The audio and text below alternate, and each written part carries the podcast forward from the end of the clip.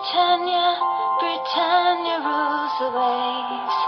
Britons never, never, never shall be slaves.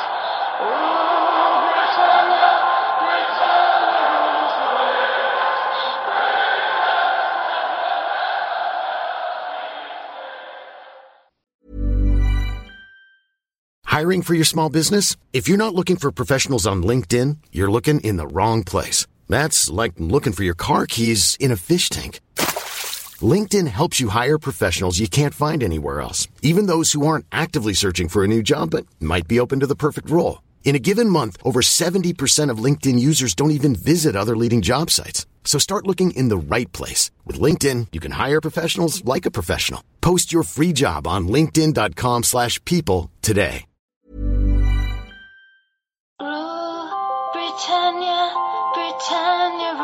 Rules the waves. Britons never, never, never shall be slaves. Ooh, Britannia, Britannia rules the waves.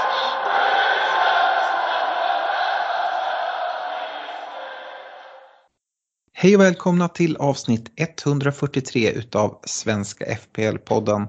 Vi gör oss redo inför Game Week 13 och och eh, spelar in idag tisdagen den 23 november. Som vanligt så kommer vi kika in i våra lag och hur det gick i Game Week 12 men även diskutera lite hur vi blickar framåt för våra egna lag. Vi kommer prata veckans punkter och kolla lite närmare på den här tyngre försvarsleden som många börjar lägga mer och mer pengar på. Är det rätt väg att gå och hur tungt ska man gå? Vi eh, kommer med nya rekommendationer, har en kaptensdiskussion inför Game Week 13 och avslutar med era lyssnarfrågor. Och eh, vill väl påminna eh, om att vi är nominerade i Guldpodden eh, i tre kategorier. Eh, årets podd, Årets idrottspodd och Årets eh, fritidshobbypodd. Och eh, jag tror att det är sista veckan för att rösta, så om ni inte har gjort det skulle vi bli jätteglada om ni går in och kastar, kastar in en röst där. Eh, Det hade varit väldigt roligt att plocka hem någon av kategorierna. Eh, Det hade betytt mycket för oss. Men ehm, Fredrik, eh, du är med mig. Stefan har lite sjukdom i familjen. Mm, det lät som någon hemsk magsjuka där så den, den håller vi oss gärna ifrån och så får vi, får vi hålla koll på spakarna du och jag. Ja, eller hur. Ehm, du eh, brukar bara plocka gröna pilar och gröna pilar, men det är röda pilar nu, men det är inte jättemycket mycket att skämmas över. Du har en overall rank på eh, 4300 någonting. Ja, det är andra gången den här säsongen röda pilar men som du säger den är så pass liten den röda pilen att jag kan ändå jag kan ändå leva med den med tanke på att jag sparade bytet istället för att göra det där Havertz eh, till Jota bytet så, så sparade jag in på det och hade jag gjort det så hade det kanske varit eh, break-even i alla fall mot, mot average. Men det gick lite bättre för det i alla fall. Ja, ja, lite bättre. Du tog ju 70 poäng den här gameweeken, jag tog 75. Eh, Jag sparade ju också bytet. Eh, ligger hyfsat still, eh, faktiskt lite gröna. Eh, jag, jag ligger 34 000 i overall rank ungefär. Så 30 000 platser bakom dig och eh, ja, det motsvarar ungefär 30 poäng i spelet.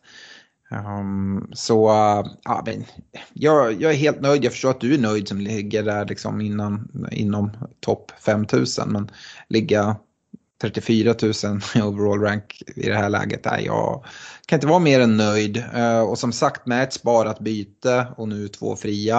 Eh, och det kan jag väl säga på en gång. Jag har inga fria byten för de är redan avtryckta. Jag vet inte vad jag sysslar med. Eh, jag pratar väl alltid om att liksom ta det lugnt, speciellt om det är Europaspel, vilket det är den här veckan. Champions League drar igång idag, tisdag. Um, men, och jag rekommenderar ingen att göra det. Jag kände bara att ah, jag hade ju liksom en väldigt in, inplanerad väg att vandra. Och eh, ja, det var ju att Havertz skulle ut. Eh, och att Williams skulle ut. Och jag såg liksom egentligen ingenting som skulle göra att jag inte skulle vilja plocka ut Havertz. Och liksom de byten jag ville göra det var även få ut Brandon Williams och stärka upp. Så att eh, Smith Rowe in och Cancelo in. Och båda de skulle stiga i värde. Williams stod så här, skulle kunna sjunka. Jag kände, ah, jag gör, det är väl liksom, ja, det som skulle kunna bita med arslet är om Cancelo skadar sig egentligen. Men annars är det mm. inga byten. Är det någon annan i, i mitt lag som skadar sig så har jag ändå bänk för det. Eh, och jag skulle kunna tänka mig att ta en minus fyra om det skulle vara så. Eh, det hade inte varit hela, hela världen. Um, så att, ja, jag, jag tryckte av de bytena. Um, så ja, sitter fortsatt kvar med eh, Cristiano Ronaldo i bygget. Eh, mm. Jag vet inte. Jag avvaktar väl där. Um, just nu så tänker jag liksom inte ta någon minus för att göra han till en, en Kane eller motsvarande här i, uh, den här veckan. Jag tycker minuspoängen håller jag mig ifrån. Um, skulle såklart kunna göra honom till en Kane inför Game Week 14. Uh, då Spurs har de här dubbla hemmamatcherna mot Brentford och Norwich. Eh, samtidigt kanske sitta kvar, vi får väl se vad som händer. Uh, Solskär är ju borta, vi ska inte prata så mycket om det i, i den här podden för eh, ja, det är så oklart. Egentligen som det ser ut just nu så är ju hela tränarstaben kvar. Det är ju bara Ole som har gått. Ehm, det pratas en del på Coutinho. Eh, det pratas eh, om man kan lösa honom nu. Annars att det ska komma in någon form av interimlösning fram till så. är det är ju liksom för stökigt. Vi får liksom se vad som händer. Jag förväntar mig ingen, ingen större förändring i, i Uniteds spel så länge liksom den gamla tränarstaben som Ole hade roddar allting nu. Det är ju bara att det eh, Carrick de zoomar in på snarare än Solskär. Så att, eh, mm. Nej, men det är väl framförallt när det blir när vi liksom får en, en färdig lösning och om det skulle bli till exempel Pochettino att det blir en rockad där Zidane går in och tar eh, PSG och Pochettino tar United. Ja, men då kan det ju bli intressant att börja snacka om vad kommer att hända nu? Hur kommer det påverka spelare? Men att som du säger att eh, Carrick styr skutan istället för Solskjaer det är av taktisk betydelse kanske inte jätteintressant egentligen. Nej, och sen så visst, även om Pochettino kommer in, det kan ta lite tid och liksom få ordning på saker, komma in så här mitt i säsong. Vi, vi ser på Conte, det är också en mm. anledning till att jag inte liksom ser på byta Ronaldo direkt till Kane. Uh, för att det har ju liksom inte sprudlat om Spurs, varken om Kane, Son eller, eller laget i stort. Uh, tyckte väl liksom att andra halvleken då såg eh, Eh, ganska lovande ut för Kane här eh, i helgen. Men eh, inte någon explosion och jag känner inte att jag liksom behöver ta någon minuspoäng och heller inte liksom måste, måste få in honom. Eh, sådär. Eh, men jag tror ju, det är ju min känsla att jag, jag, tror att de kommer bli bättre och bättre och mer intressanta ju längre det går.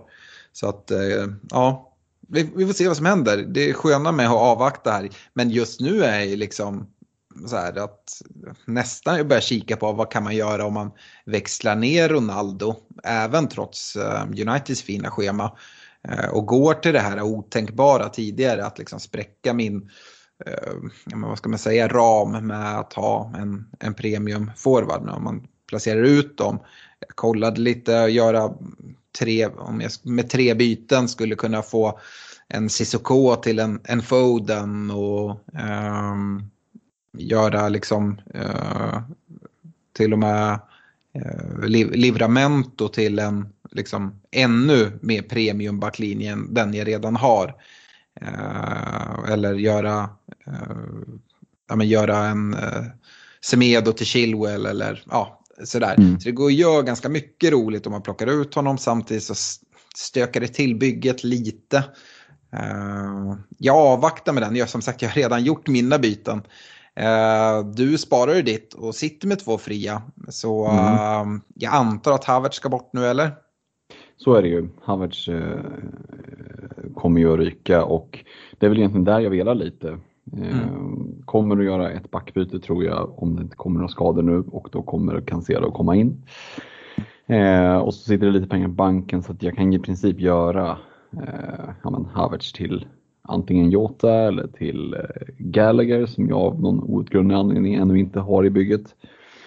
Um, så att, ja, jag får se lite här, jag vill höra lite mer news. Nu skulle ju Jota ha siktats och träna igen men jag vill höra liksom att han är definitivt uh, tillbaka. Nu Liverpool har ju som sagt en del skador och nu ska man spela någon obet liksom obetydlig CL-match i veckan. Jag hoppas att man vaskar hela skiten och bara skickar ut Nico Williams och, och Gordon och, Bradley och allt vad de heter. Ehm, framförallt att inte Jota liksom riskas. Äh, jag kan inte se att han ska riska Jota nu. Nej, när, ja, även om eh, Firmino ryktas vara tillbaka tidigare än väntat och jag liksom ett uppkommande afrikanskt mästerskap. Även om det är en bit bort. Jag tror liksom om Jota klev ut lite så här småskador, det räcker ju att han skulle lite ha lite nageltrång egentligen för att vila honom in i en uh, sån här helt obetydlig match. Mm. Så um, nej, det, det, det, det, kan jag inte tänka mig att Klopp gör. Nej, det tror inte jag heller. Det hade varit gött att få typ liksom, åtminstone presskonferensen inför helgen men gärna kanske nu redan midweek här efter matchen eller någonting. Att, mm. att Jota ändå ska vara redo för helgen. Eh, mm. Då lockar ju det bytet väldigt mycket. Då, då, sitter jag där en vecka till utan Gallagher. Men eh, eh, ja, det, någonstans där kommer jag nog landa. Cancelo Jota in mot eh, Havertz White kanske.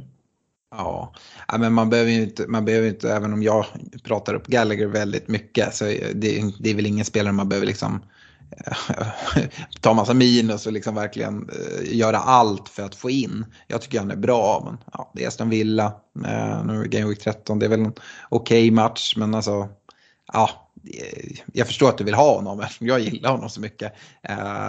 Men ja, jag hade, jag hade ju prioriterat att ta in Jota om han nu vill liksom konstatera att han ska, ska spela. Mm, liksom det, som, det som talar för Gallagher är ju priset där och, mm har jag blivit lite så bortskämd med. Jag hade, har 1,7 på banken liksom och eh, väljer jag att gå på, eh, på Gallagher istället för Jota, ja då sitter det 1,6 på banken och de kan vara ganska värdefulla där. Jag har ju varit inne tidigare på att om man som jag sitter med både Wilson och Jiménez här som ska in i riktiga mumma-matcher eh, mot, eh, mot Burnley och Norwich och sen kommer stupet eh, mm. och då vill man kunna växla ut dem och, och, då behöver det inte vara fel att sitta med någon miljon på banken så att man kan liksom ta sig till ja, mm. nu Bamford och Calvert Lewin känns kanske som att den bryggan blir lite för lång och då kanske man måste mellanlanda i, vad vet jag, en Gabriel Jesus eller någonting och då kan den där miljonen vara avgörande. Så att det skulle kunna göra att jag ändå väljer att gå på Gallagher. Så jag har inte riktigt bestämt mig än hur, hur det blir om det blir. Men Cancelo känns eh, given att ta in faktiskt. Ja. Ja, men det, det låter rimligt. Jag har ju plockat in den här veckan. Det är jobbigt att inte ha Vilken fin framspelning han gjorde mot Sterling. Ja, eller till Sterling. Helt Ehm, du nämnde Wilson lite kort. I förra poddavsnittet gick vi igenom avstängningsläget och jag flaggade lite för Wilson som stod på tre gula. Nu tog han sitt fjärde. Mm. Och ja, skulle han nu ta gult mot Arsenal då missar han ju Norwich hemma i Game Week 14. Ja. Den hade varit jobbig va? Den hade varit jävligt jobbig faktiskt. Nej, det får bara inte hända liksom. Men... Eh, ja, det, det, är ju långt ifrån omöjligt. Verkligen. Jag kommer sitta och jobba ostskiva på Wilson mot Arsenal. uh, eh, det kommer jag. Uh, ja, uh, vi ska väl säga det att uh, Stefan han sparade inga byten han. Han tog, tog minus fyra. Uh, blev röda pilar för honom. Han ligger hund, plats 130 000 i overall rank. och som sagt, om jag ligger 30 poäng bakom dig så ligger Stefan eh, 30 poäng bakom mig ytterligare. Eh, så att det går liksom, om Stefan tar 30 poäng eh, mer då avancerar han 100 000 platser. Typ. Mm. om, om jag tar 30 eh, poäng till då avancerar jag Eh, inte, så, såklart inte lika mycket, men då avancerar jag en, eh, 30 000 platser. Så ja, Eh, Eh, så ser det ut. Men eh, vi ska tacka våra, våra partners, eh, Olka Sportresor, Nakata.se, Unisportstore.se och Glenn Sportsbar. Och eh, kan väl även passa på att säga det, det är väl ingen som har missat det. Vi går in i Black Week, så eh, kika in på unisportstore.se. Det finns riktigt bra läge att eh, göra en bra affär om du ska köpa fotbollströjor eller utrustning i form av fotbollsskor eller vad det nu må vara. Även nakata.se kör ju eh, Black Friday. Så att eh, där kan man gå in redan nu och registrera sig och få förtur på de Black Friday-priserna. Så att eh, kika in på nakata.se och eh, regga er så att ni eh, Ehm, kan eh, plocka hem någon riktigt schysst tisha eller print eh, till ett, till ett bra pris här före eh, det släpps till till kleti och pleti och det, det tryck eller den tröja du vill ha tar slut. Ehm, yes, vi ska även nämna vår Patreon. Patreon.com svenska FBL. Ni som vill får jättegärna stödja oss där. Vi har ju den här eh, utlottningen av presentkort på Boxing Day.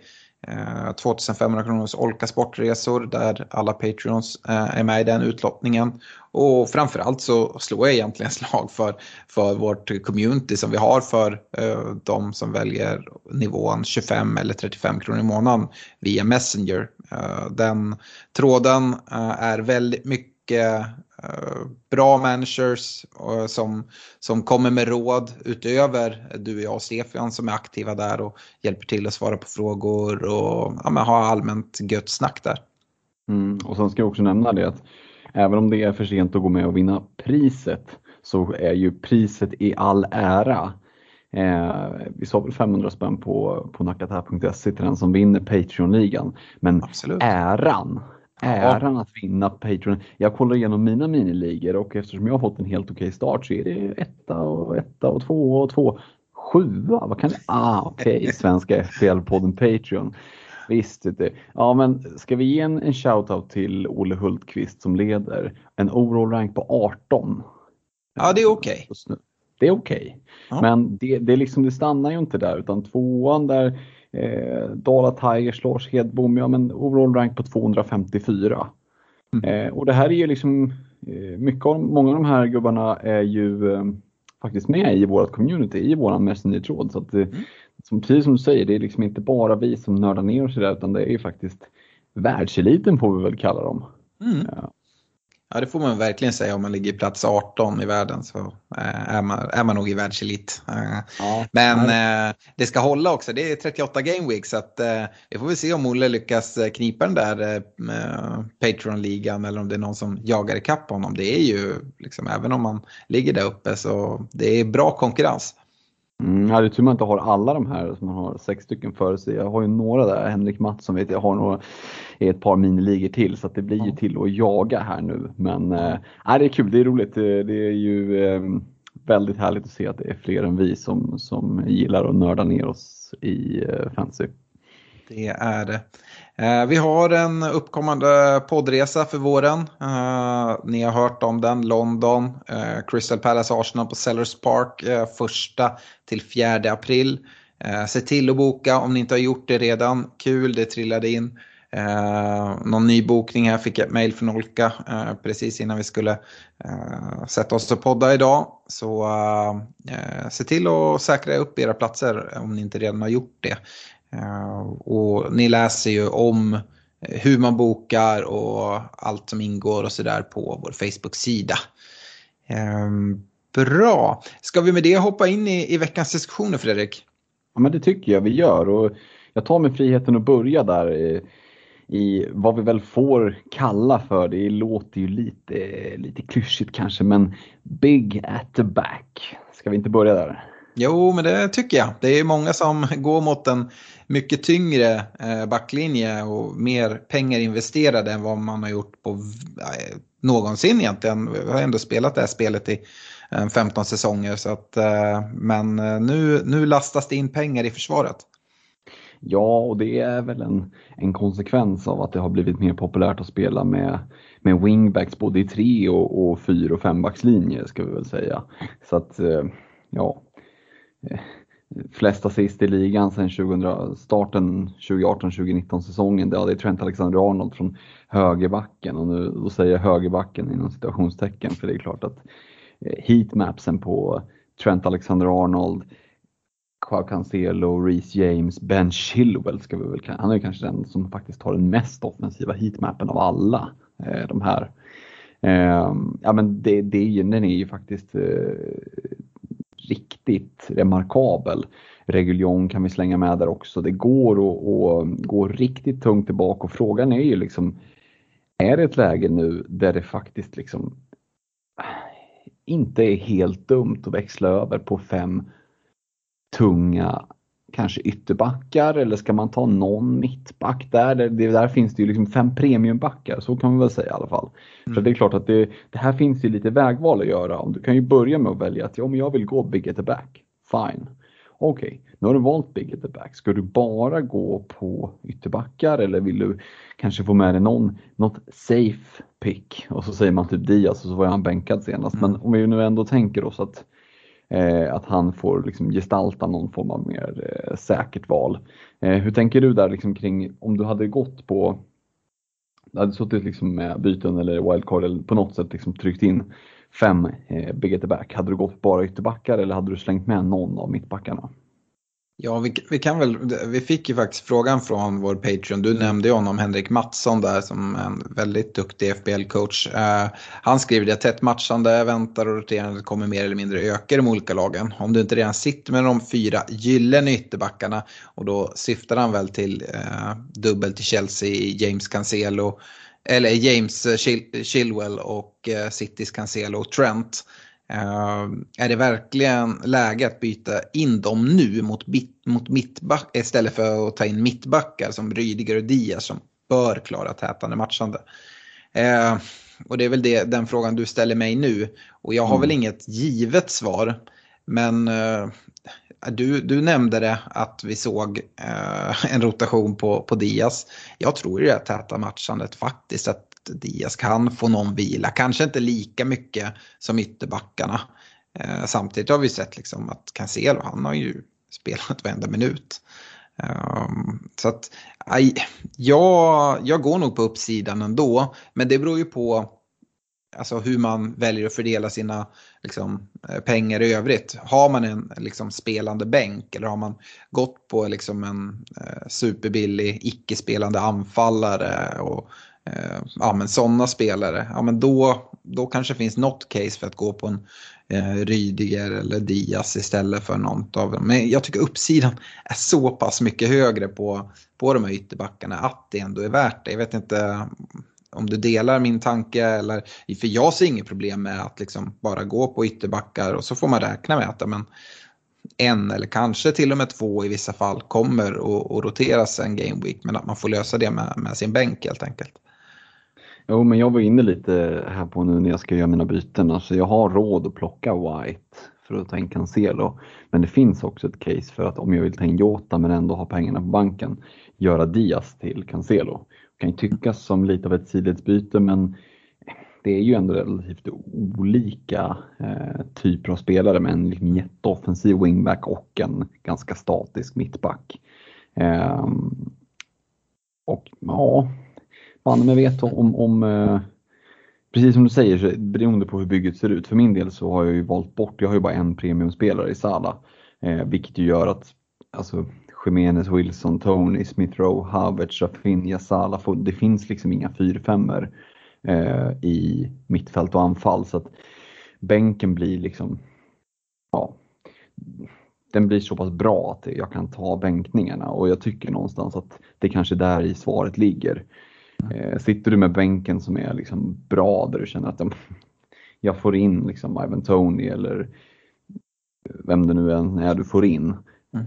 Då är det väl bra mycket bättre. Får du in Josh Brownhill, mm, får du in Moussa Sissoko, mm, då hade jag kanske valt att liksom säkra lite mer. Så att, precis som du säger, eh, det finns nog inget tydligt svar som gäller liksom för alla utan lite beroende på hur man, hur man har byggt upp laget i övrigt. Mm. Och det där alltså, eh, jag, jag, tror att faktiskt det här kan vara en fördel för de som inte har spelat supermånga säsonger. För mig känns det jättekonstigt att kolla liksom på att spela en fembackslinje eller en fyrbackslinje till och med. Ja, men det är för att man är liksom så invald att nej, men det gör man liksom bara inte.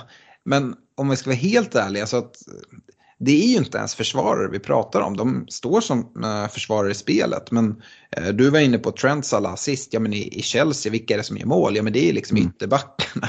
uh, och, jag ser dem liksom som som offensiva spelare. Om du vill välja att kalla dem mittfältare eller anfallare, ja det är väl liksom upp till dig. Men den enda, liksom, det som är grejen är att ja, men om, om Trent hade stått som mittfältare, vad skulle han vara prisad då?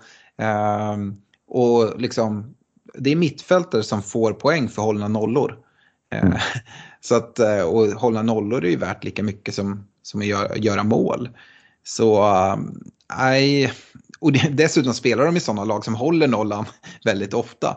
Eh, ja, det gör de ju superintressant. Det är inte Matt Ritchie i Newcastle vi pratar om liksom för att gå big at the back eller eh, någon Luka Ding i Everton där det liksom, eh, regnar in bollar stup i kvarten. Utan det är liksom Torshälls eh, Eh, Chelsea som håller nollan mest hela tiden. Vi har ett eh, Guardiola City där liksom de släpper till extremt lite chanser och, och, och Klopps Liverpool där. Så att alltså, jag tycker verkligen att det finns case för att, uh, att gå stort. Uh, kan väva in ytterligare en lyssnarfråga. Torbjörn Olsson är inne på det liksom att ja, men nu har vi pratat om nära liksom gyllene, Cancelo, Trent, James Chilwell och sen många sitter ju med Livramento.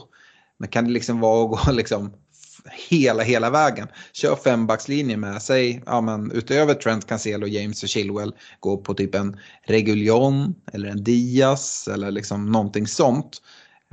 Um, ja, eh, jag såg bara köra den här fembackslinjen. För om man kollar liksom, ja men Reguljon är inte premium på det sättet, den är prisad 5,1 nu tror jag.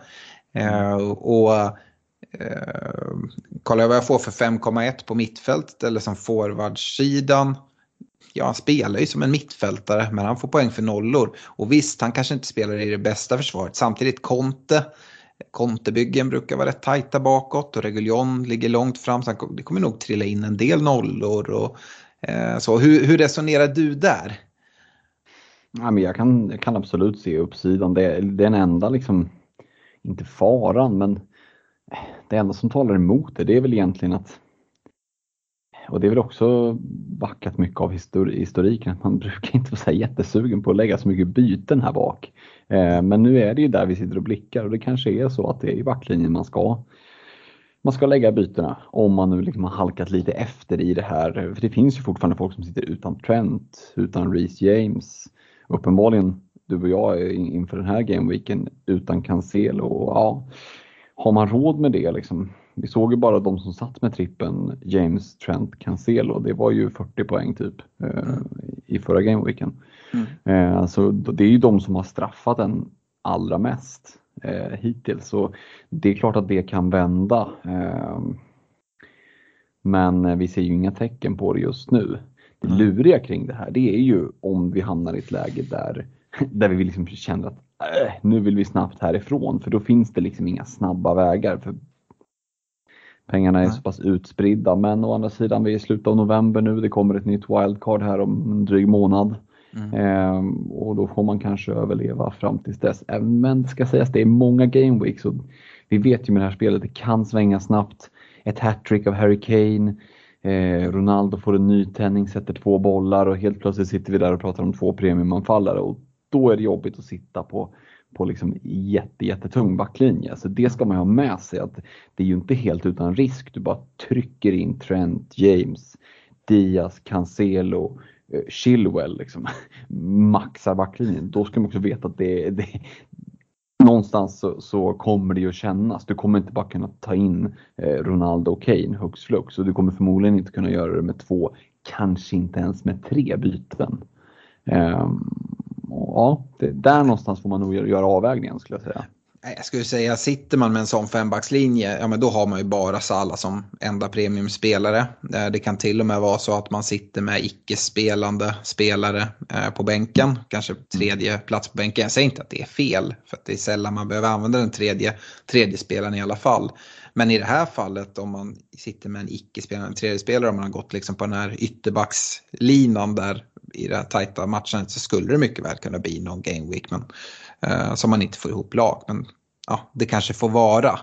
Eh, för mig är det ganska enkelt tycker jag om jag ska svara Torbjörns fråga med liksom fembackslinjen. För mig är det inte aktuellt. Och det har väl att göra med att jag har haft Livramento sedan han kostade 4,0.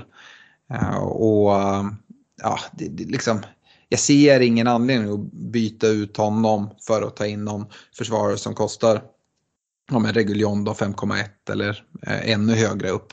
Eh, det ser jag inte. Om man däremot inte har gått på Livramento. Jag, jag var inne på det förra veckan. Jag vet inte om jag tycker att det är läge att, att ta in honom för 4,5 eller vad han står i nu.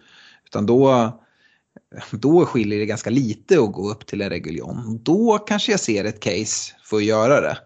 Men det är många som har liksom varit med på Livramento under en väldigt lång tid och då tycker jag att äh, jag ser inget problem att ha honom. Eh, sen så visst, det, det, är frustrerande för att eh, det är ganska ofta om man sitter med den här fyrbackslinjen som vi pratade om att eh, Livramento kommer sitta på bänken och eh, förmodligen ta en del poäng och komma in i konkurrenters bygge. Men det får man bara liksom ah, suga i sig tror jag.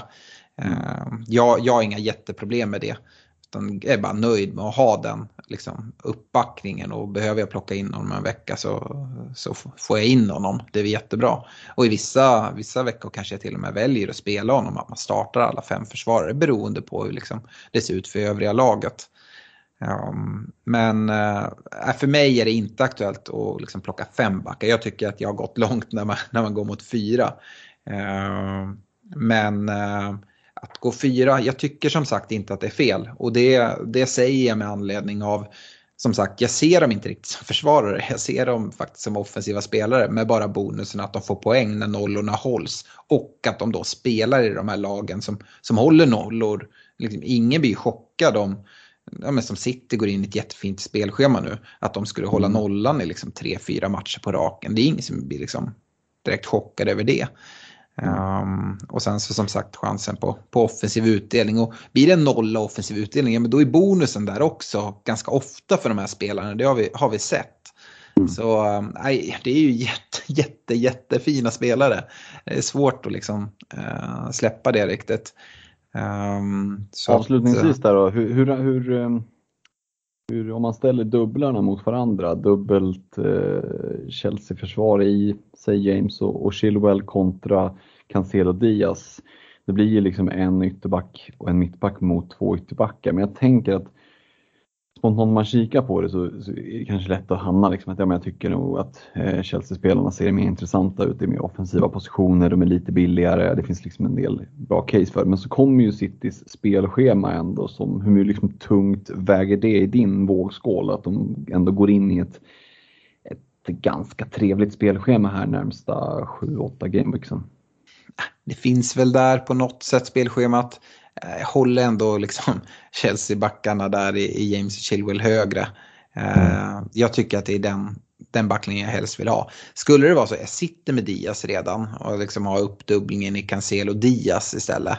Ja, men då gör jag liksom inget byte och går in och pillar. Det är som du säger, jag vill liksom inte offra byten här i, i backlinjen. Och det är också en fördel med att gå in. Sitter du med Trent Cancelo, James Chilwell och en Livramento ja, men då kan du typ fokusera alla dina byten på mittfält anfall och liksom sitta och ja, men ta in han för de här korta två veckorna för man känner att ja, men försvaret behöver inte göra någonting åt om ingen bryter benet.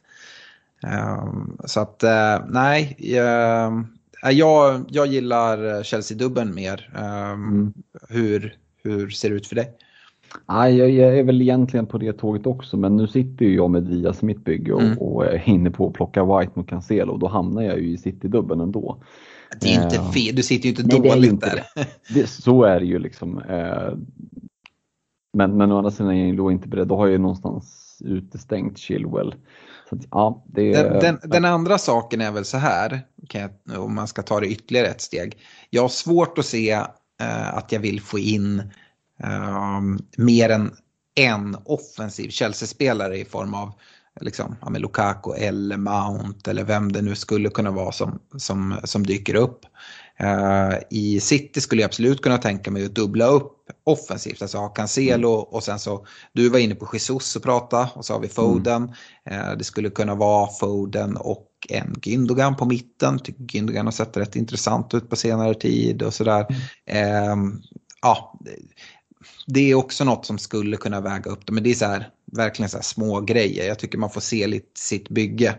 Eh, och du som inte har Cancelo, ja, men du ska absolut plocka in den här veckan tycker jag. Ja, ja. Eh, och det har du ju själv redan bestämt dig för. Men, eh, och då är det så liksom att White B Cancelo, ja men då har du gått upp dubblingen där. Och ja, då får man väl liksom acceptera att man inte har uppdubblingen i, i Chelsea. Om man inte går den här liksom hela vägen ut och kör den här fembackslinjen med, med, med dyra spelare. Men du är väl samma som mig att du har suttit med Livramento sen väldigt tidigt. Ja men precis, sen tidigt och, och kanske så att jag eh, tjoffar jag in liksom fyra premiumbackar så känner jag mig, jag känner mig ganska mätt på det. Liksom. Om man äter en trerätters behöver man inte trycka en halv prinsesstårta. Liksom, man, kan, man kan känna sig ganska nöjd och mätt.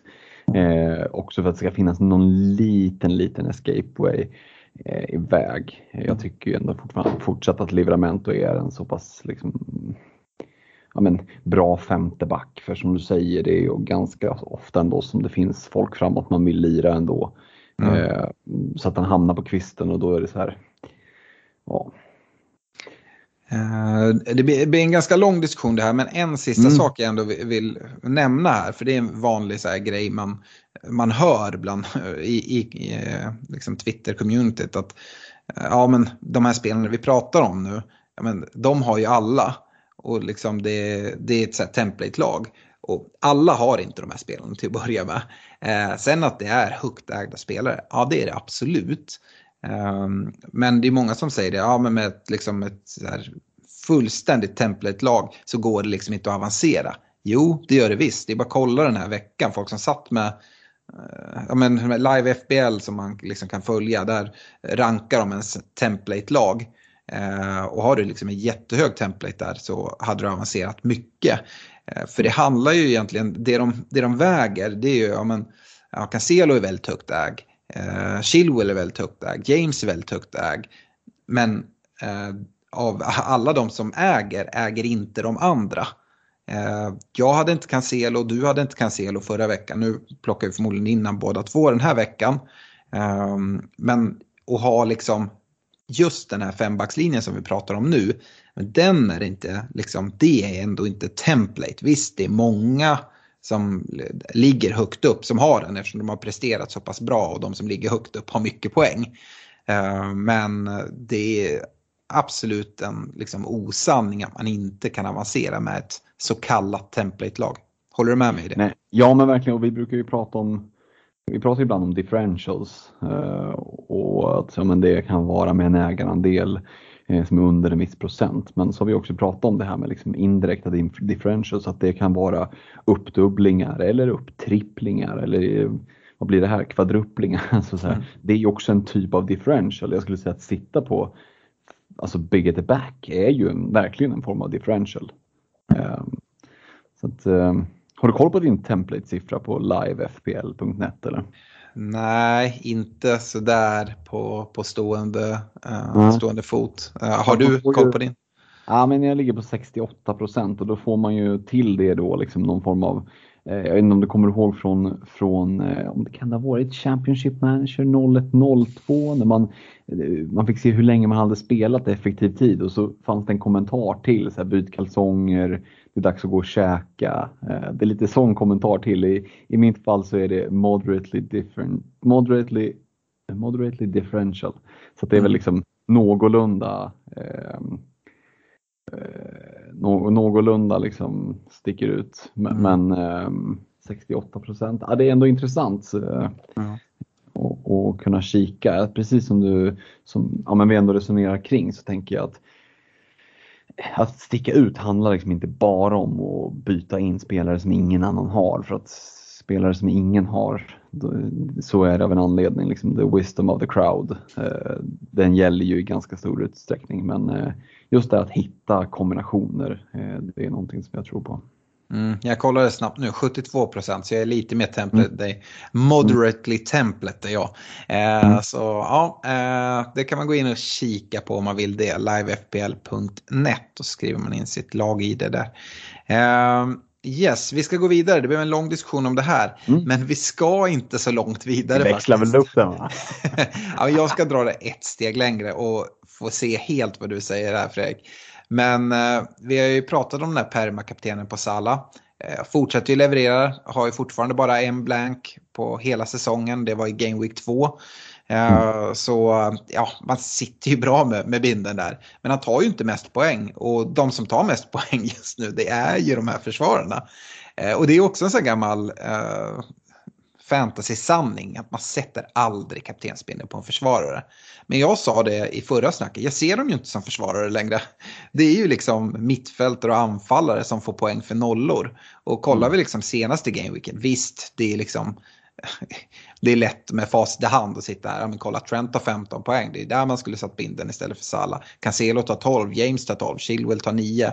Ehm, men uh, samtidigt, nu har du bättre koll på Liverpool än mig.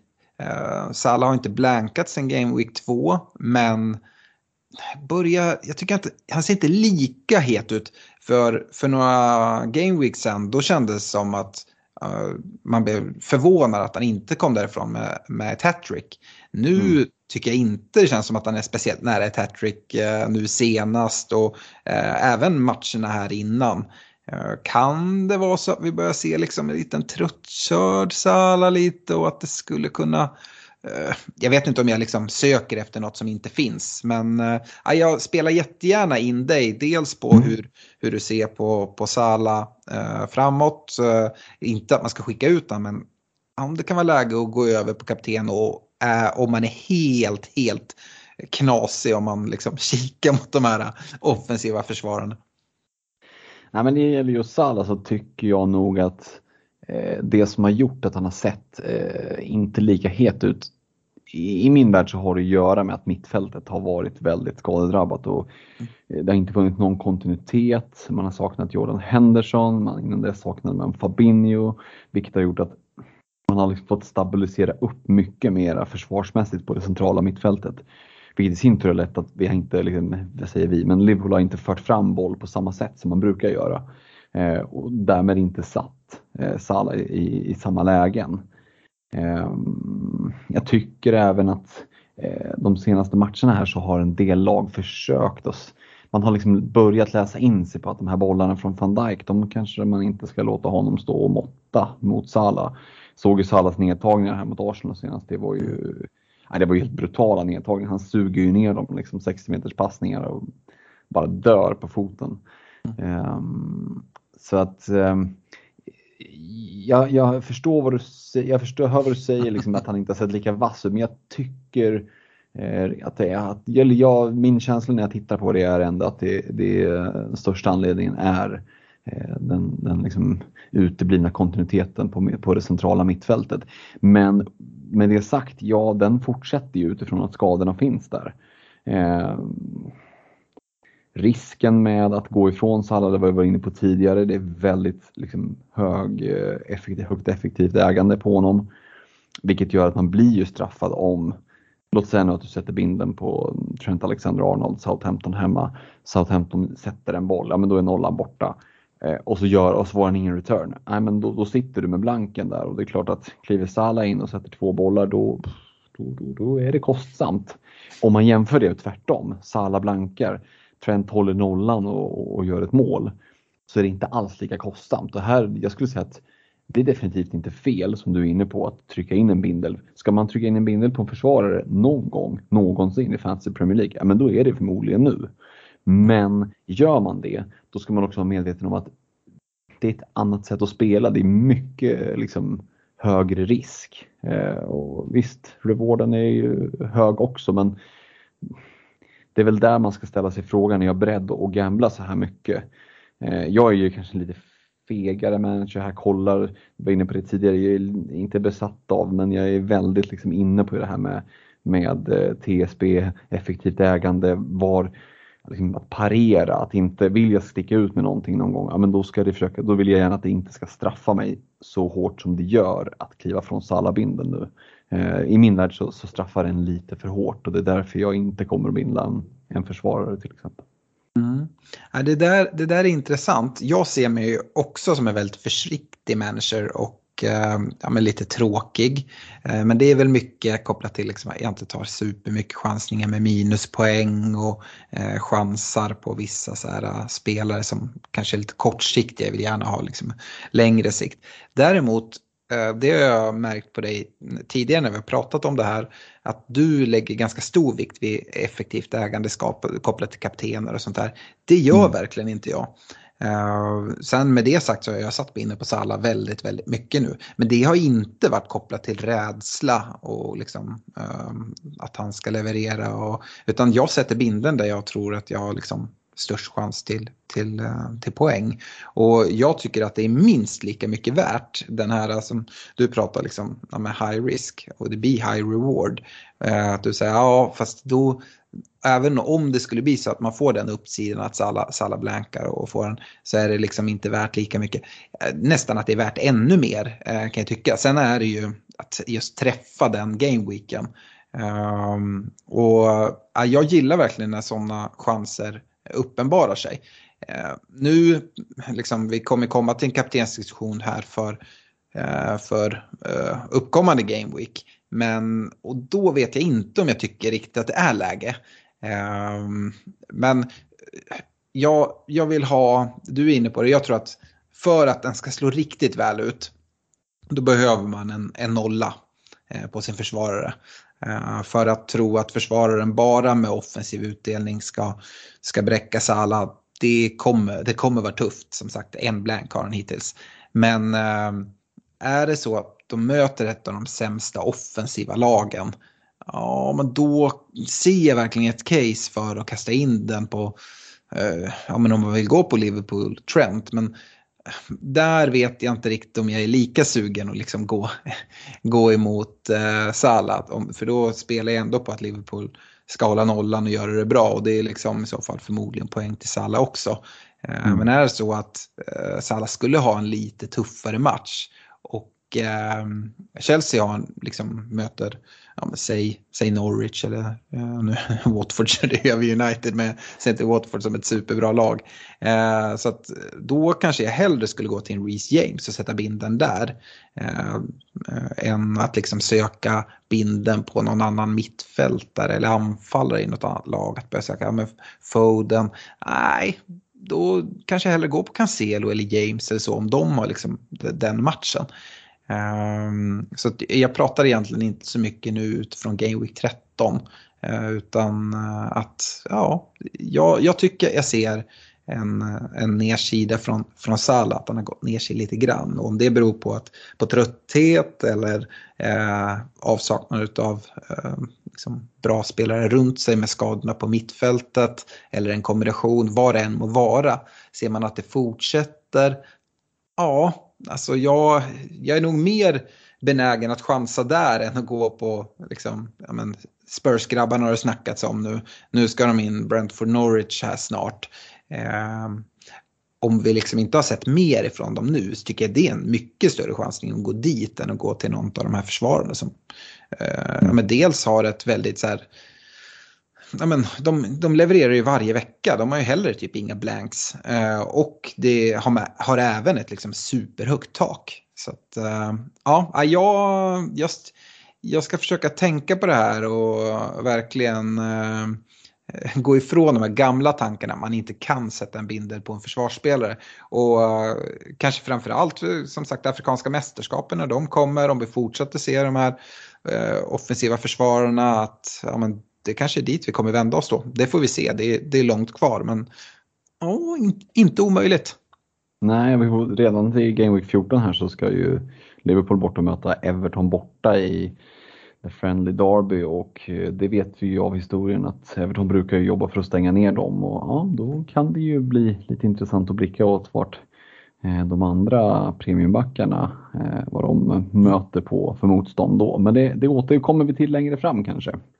Det gör vi. Eh, och ska man nu gå så här tungt bakåt, vi fortsätter i samma tema, då måste man ju hitta pengarna någon annanstans Fredrik, eller hur? Mm, ja, men det är ju så. Vi har ju vi har ju pratat väldigt mycket om de här liksom low mid price, nästan budgetfältarna i Smith Rowe och Gallagher. Det kan ni nästan som ett rinnande vatten här. Men jag tänkte att jag skulle kika lite mot det där anfallet. Vi har ju varit inne på i anfallsrekarna senaste veckan här att det är rätt svårt att hitta. Vi, generellt sett så är vi ju bortskämda med anfallare Det finns ju alltid liksom ett par, tre stycken som, som får det vattnas i munnen. Liksom. Och inför säsongen så, så kunde man, att man satt och liksom gjorde ordning laget inför Game Week 1. Man kunde slänga in Antonio, Calvert Lewin och det var Bamford och någon hade lite Tony och så kom det. Ja, men det, det fanns ju bra med eh, mid-price-anfallare och det gör det ju inte just nu i dagsläget. Eh, de få som finns, ja de kliver snart in i tunga spelscheman och och några är skadade och sådär. Så då har vi kikat eh, lite mer mot, mot det här budgetsegmentet där ju vi eh, ja, men, vanligtvis sällan rör oss. Och, jag menar, vi, vi satt ju inför säsongen och snackade Ivan Tony. Eh, och ja, men den största farhågan egentligen kring honom inför säsongen, det var ju inte huruvida han skulle göra mål eller inte, utan det var ju det om han inte gör mål finns det ju ingen väg därifrån för 6,5 och neråt. Det var ju liksom typ dyngkört. Vi kunde inte, kunde inte identifiera liksom en enda anfallare i den prisklassen som vi ville ha. Eh, och så jag skrev ner lite här nu spelare som ligger under, om du säger 7,0. Ja, alltså Joshua King, Timo Suzuki, du har en Dennis i Watford, Benteke, eh, San Maximan, Armstrong, Wang och så Tony det är liksom det är åtta anfallare som alla har eh, ett pris under 7,0 och då får vi väl ändå klassa dem som någon form av, eh, av budgetanfallare så här långt in i säsongen. Um, sen är det klart, det är liksom, alla de här kommer med någon form av brasklapp eller tillägg. Liksom. Det finns ju en anledning till varför vi inte har bara tryckt in eh, liksom, spelare från det här eh, prissegmentet i våra rekar till exempel. Och det man ska komma ihåg om man väljer att gå på någon av de här, det är väl just att ha rimliga förväntningar. Eh, jag tänker, jag såg att vi hade fått en lyssnarfråga som gällde eh, Wang till exempel, att man var lite besviken på att man inte fått return på honom. 5,8 kostar han. Då är frågan vad har man för förväntningar på en sån spelare? Eh, det, den den liksom frågan måste man ställa sig innan man känner att äh, vad fan har du inte levererat på två game weeks. Eh, och sen är också nästa fråga som jag tänker att jag vill bolla över lite till dig. Det är ju det om man nu väljer att investera i en anfallare strax över 6 miljoner. Hur resonerar man? Är, det, är man bekväm att sätta honom på kvisten liksom vecka ut vecka in eller känner man att det sitter för mycket pengar där? Hur, hur känner du kring det? Ja, det är ju någonstans någon, någon smärtgräns. Men anledningen till att vi säger att liksom gå på de här budgetalternativen det är ju för att man kanske spelar en fyra eller fembackslinje. Och då ska du knappast spela liksom tre forwards förmodligen. Ehm, vi pratar ändå att det finns ganska bra och intressanta mittfältare till, till låg peng. Eh, och de håller jag högre än de flesta av de här vi, vi nämner ändå. Eh, och liksom, ja, Gallagher håller jag före alla. Eh, jag håller nog Smith Rowe också före de flesta där. Ehm, så att det är kanske så att man spelar med en forward eller två. Och då är det ju verkligen att spela dem liksom i rätt matcher. Och vart man drar den här gränsen, ja, jag vet inte. Jag tycker att liksom, om man nu har en Ivan Tony som prisad, jag har inte ens vad han, eftersom jag har haft honom så länge i mitt bygge, men är han 6-5 ungefär eller? Ja, 6-7 hade jag skrivit upp men. Mm. Eh, det är en spelare som, alltså har jag lagt så mycket pengar och märker att han sitter på bänken liksom varannan match för mig, ja, då tycker jag det är för mycket pengar. Um, Eh, speciellt när du nämner de här, eh, då tycker jag det liksom finns billigare alternativ som och det har väl att göra med att Tony inte har levererat. Det sköna med honom är ju liksom att det är en talismanspelare för Brentford. Vi går in i det här eh, tuffa schemat. Man vet att man får 90 minuter varje vecka, även i tajt matchande. Man vet också att det sköna med de här som får 90 minuter och är på straffar är att det kan trilla in en straff i 89 och så kan du få lite gratispoäng. Eh, visst, vi har inte blivit överröstade med straffar, men också med det här intensiva spelschemat borde kunna göra att liksom, ja, men det blir kanske lite trötta ben, man inte hänger med och det kan eh, liksom bli något. Men är det så att man, man får kolla lite om hur ser mitt bygge ut. Eh, om man inte använder dem så ofta, men då kanske man ska gå på en av de som är ännu billigare än liksom den här Tony-segmentet. Och mm. börjar man liksom kika på det. Jag gillar verkligen Joshua King. Eh, nu eh, mot, mot United så jag vet inte. Det, det var ju vad det var. Men eh, där pratar jag ju, ju straffar. Jag vet inte fan om inte han kommer ta så här. Det är en riktigt bra straffskytt, uh, Joshua King. inte Sarr, kan väl Sarr, han, inte kan väl Sarr få ta nästa straff för Watford? Nej, det kan, nej. nej, inte med två brända och två så dåliga straffar. Fan, jag, jag hade slagit dem bättre. Alltså. Ja, och liksom Joshua King 5,6. Ja, en sån spelare skulle jag absolut kunna tänka mig att ha och spela liksom när han har en, en vettig match kanske varannan, var tredje game week och liksom annars sitter med på bänken. Heller inga problem att liksom få in honom i någon lite tuffare match. Han kan ta poäng där också. Eh, det är nog snarare ditåt. King är nog den jag kollar mest mot. Visst, du kan gå ner ännu billigare bara liksom i samma lag. Hittar du Dennis för 5,3. Där skulle jag vilja hissa en varningsflagga.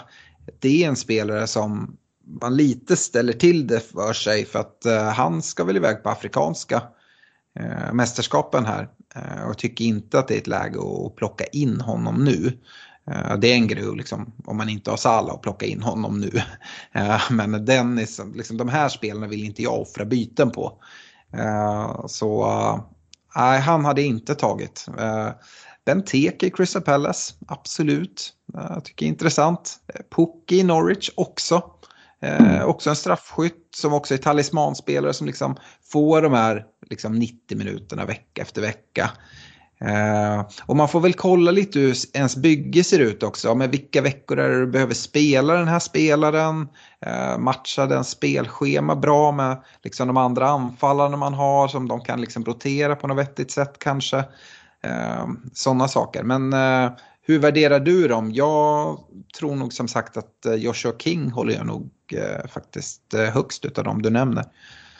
Mm, jag tycker det är svårt och jag kan definitivt köpa liksom, den spaningen på dem. Jag tycker det är svårt att rangordna dem. För, mm. för min del handlar det här ganska mycket om hur bygget ser ut i övrigt. Eh, för den som har ett, liksom, en ganska bra bredd så tycker jag att det kan finnas ett värde om man nu eh, väljer att göra bytena här, om det är för att lösgöra lite pengar eller vad det nu kan vara. Eh, så kan det finnas liksom ett värde i att plocka någon som har ett ganska rackigt spelschema också, men som har, säg, närmsta 6-7 gameweeksen, två kanske riktigt bra matcher och så tänker man att ja, men jag kommer att bänka den här spelaren eh, de andra matcherna, men just de här gameweeksen när de har, en riktigt, har riktigt bra matcher, då kommer jag att trycka in dem. Lite så tänkte jag när jag tog in Smith Rowe till exempel. Eh, som eh, ja, men hade några få fina matcher. Eh, och, sen kom det liksom ett gäng nu med, med skitmatcher och så. Men ja, så nu till Game Week 13, Newcastle hemma, ja men då ska han ju in på plan. Mm. Eh, Game Week 14 United borta, ja då luktar det nog kvisten för honom. Eh, och lite det resonemanget kan jag se och då, då finns det liksom fler alternativ för då med det mindsetet då kan man liksom även börja spana mot de här som, som går mot vad jag kallar för stupet, det vill säga liksom riktigt tungt matchande. Men det gör ingenting, kommer det tre riktigt, riktigt tunga matcher i rad, ja men då får, vet man att då får de sitta bänk för efter det kommer Norwich hemma, ja men tack och bock, då, då, då får det liksom vara värt. Så huvudsaken är att man har en plan som matchar det bygge man sitter med. Eh, men sitter man med en ganska tunn bänk, ja men då skulle jag nog mer blicka mot eh, de som är lite mer säkra sådär, liksom, mm. på, på, starter. Och då kanske det är värt att sitta liksom en, en trygg Ivan Tony. Det kanske är värt att hålla liksom en, en pucke som ändå är de, de här talismanerna som du pratar om. Mm. Nej, det är, eh, jag tycker att det är eh, intressant i alla fall. Och Eh, det går ju att gå hela vägen. Liksom. Det är många som har gjort och plockat in. Vi har ju två spelare, två anfallare som är prisade 4,4 och har som mm. en tredje spelare. Vi har sagt att man behöver stärka upp sin bänk och det tycker jag att man ska göra.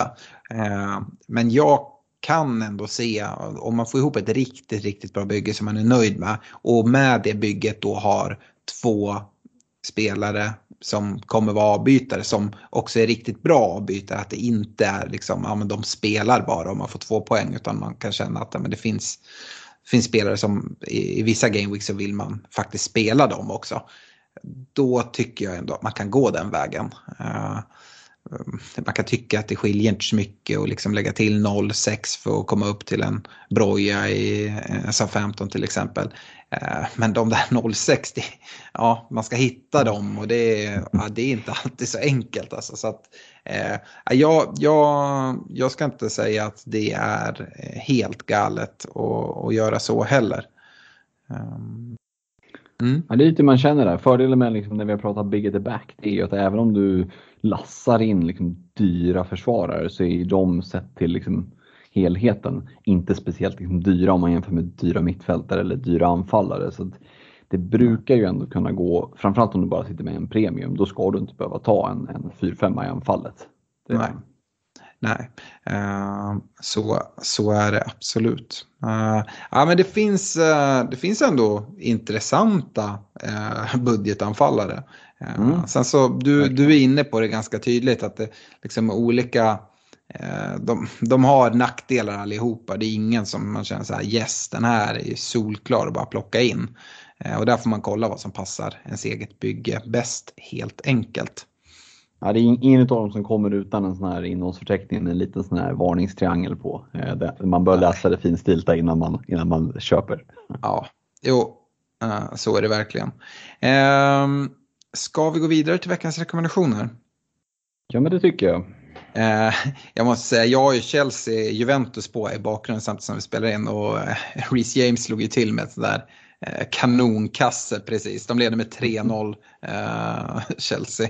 Så att ja, det bara fortsätter ju liksom. Nollorna och eh, offensiv utdelning. Eh, mm. Och vi börjar med försvarsreka Fredrik. Eh, Reece mm. James är han kvar från förra veckan antar jag. Han är ju det, det är svårt att plocka honom.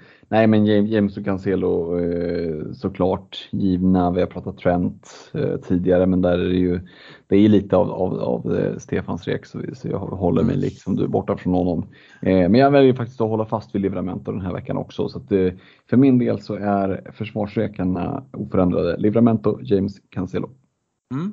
Eh, jag tänkte också hålla mina eh, liksom oförändrade. Jag hade ju Cancelo och James precis som du men jag valde ju inte med Livramento av den anledningen att om man inte har Livramento, och det var jag inne på tidigare också, tycker jag inte att värdet riktigt finns där på samma sätt som om man har suttit med honom från start. Uh, och då kan det vara värt att gå upp lite till. Uh, jag resonerar likadant som du med, med Trent. Uh, jag tycker man ska ha honom men han är inte med som min rek precis som jag inte har Sala på mittfältet. Eh, men Reguljon hade jag förra veckan och ja, men, väljer att sitta kvar där. Eh, tycker liksom han ser eh, intressant ut. nu håller de inte nollan mot, mot Leeds men Reguljon gör en kasse. Mm. Han är ju verkligen, men han är ju lika offensiv som de här andra spelarna vi har pratat om. Sen är Spurs defensiv inte riktigt lika säker som, som Citys eller uh, Chelsea, Liverpool sådär. Men det tror jag kan komma och bra spelschema. Och, nej, jag, jag tycker absolut att det finns ett case för att, att snacka upp en, en Reguljon som dessutom är betydligt billigare än om man nu tycker att det är jobbigt att investera så pass mycket. Man vill kanske ha um, en ytterligare premium utöver Sala. Ehm, ja, men då kanske man kommer iväg med att ha Trent, James, Cancelo och Reguljon och då spara lite pengar istället för att ha eh, Chilwell där eh, som kostar en 1,0 eh, mer ungefär sådär. Så ja, men Reguljon får vara kvar. Mm. Och på mittfältet var vi liksom rörande överens förra veckan. Hade exakt samma med Foden, Jota, Gallagher. Jag ser samma här faktiskt. Det är kanske tråkigt men jag ser ingen anledning att, att justera det. Det skulle vara om vi får besked att Jota inte är hel. Eh, men annars tycker jag Jota sitter där jättebra och de andra ska inte heller någonstans. Jag vet att folk har knorrat lite om Foden men jag tycker det är en jättebra spelare och livrädd för att inte äga honom i, i mitt eget privata bygge. Ja, alltså sitter du på Foden så, så är det ju eh, det är liksom en no-brainer att hålla honom såklart och jag förstår att om man sitter utan honom så, så skrämmer det ju lite. Eh, men jag tänkte faktiskt att han får maka lite på sig i min rek på mittfältet. Eh, mm. och inte för att jag som sagt skulle ens komma på tanken att byta ut honom, men eh, jag tycker att eh, och, och, han kom ju in lite från sidan där när jag och Stefan förbisåg honom och du nämnde honom i avsnittet efter att eh, Maxwell Cornet har ju sett oerhört bra ut på slutet. Spelar out of position, står som eh, mittfältare, spelar anfallare eh, och kliver in i ett ganska intressant spelschema. Newcastle borta och Wolves borta. Det, det kommer lite sådana här småspännande matcher. Jag tycker att för 6,1 så finns det ett bra värde här och, och, för mig då som gillar det här med TSB 2,4 procent, då slickar man sig runt munnen. Det är, det är ett, eh, en riktigt bra, riktig, äkta eh, differential. Eh, men i övrigt för min del så det är ju eh, Gallagher Jota som sitter kvar. Mm. Ja, nej, eh, jag kanske är tråkig och sitter kvar där. Om jag skulle säga någonting då, om man nu inte har Foden. Jag tycker Foden fortsatt är en jättebra spelare att ta in. Eh, men om man inte riktigt når dit men ändå vill in i City så nämnde jag han kort. Jag övervägde faktiskt att ersätta Foden den här veckan med Gündogan. Eh, jag tycker han ser spännande ut. Vi såg förra säsongen han kom in i den här streaken. Eh, när det var liksom lite skador och covidfall och sådär att Gündogan klev fram. Och skulle inte förvåna mig om han gör något liknande nu. Han är ju dessutom 1,1 billigare än Foden. Foden kostar 8,3 och Gündogan endast 7,2. Mm. Eh, och om man tror att Gündogan är liksom en defensiv mittfältare så tycker jag man får omvärdera det. Det är en väldigt poängstark eh, spelare. Så det är, skulle jag säga, en missuppfattning kring, kring Gündogan. Jag tycker han är väldigt bra på att göra poäng och i väldigt många matcher så är ju City liksom, en bollförare så pass mycket och de gör mycket mål på att liksom spela snett inåt bakåt och där kommer Gündogan ganska ofta. Eh, så ja, jag kan ge ett omnämnande till Gündogan och absolut som ett hett alternativ eh, om man liksom inte vill gå på, på Foden och välja någon, någon annan. Mm. På forwardsidan då Fredrik, det är ju stökigt. Eh, du hade Kane Wilson. Får Wilson sitta kvar med sina fyra varningar? Jag hade inte vågat byta in honom nu. Nej, nej det får han inte utan han ersätts av en, en väldigt kortsiktig punt kan tyckas. Eh, men eh, med men alltså return på fem av de sex senaste matcherna som han har startat i och på det, eh, på den liksom fina formen så kommer Norwich borta, Burnley hemma, så tycker jag att Raúl Jiménez, där finns det ändå ett case. Ehm, och visst, Game Week 15-16 så är det Liverpool hemma, City borta och det må så vara och det kommer lite tuffa matcher efter det. Men, men jag tycker ändå att det där liksom eh, blodröda havet mellan Game Week 15 och 21 Eh, man får liksom se lite förbi det. Visst, Liverpool City är tuffa matcher men sen, alltså jag vet inte, Arsenal borta, att det skulle vara så, så tufft för honom. Ja, det är klart att det finns lättare matcher, men eh, nej, eh, Raúl Jiménez ska ju in på reken, helt klart. Och sen så sitter jag kvar med den trötta Harry Kane, det är ju mest för brist på annat liksom. Eh, riktigt sugen på att plocka bort honom egentligen, det kanske får bli nästa vecka om han blankar igen. Men, men Jiménez och Kane för min del. Äh, ja, du, det känns svårt att plocka bort honom från reken nästa vecka när han står inför eh, Brentford och Norwich eh, ja, kan jag tycka. Eh, och, men det är ju så här, det är väldigt enkelt med Kane tycker jag.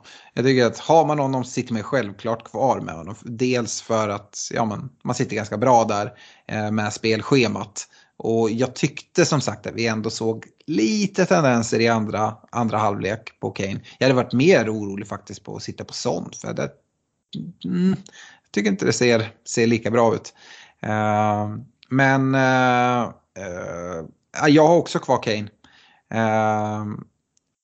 jag vet inte liksom plocka in honom. Jag har ju den möjligheten med Ronaldo.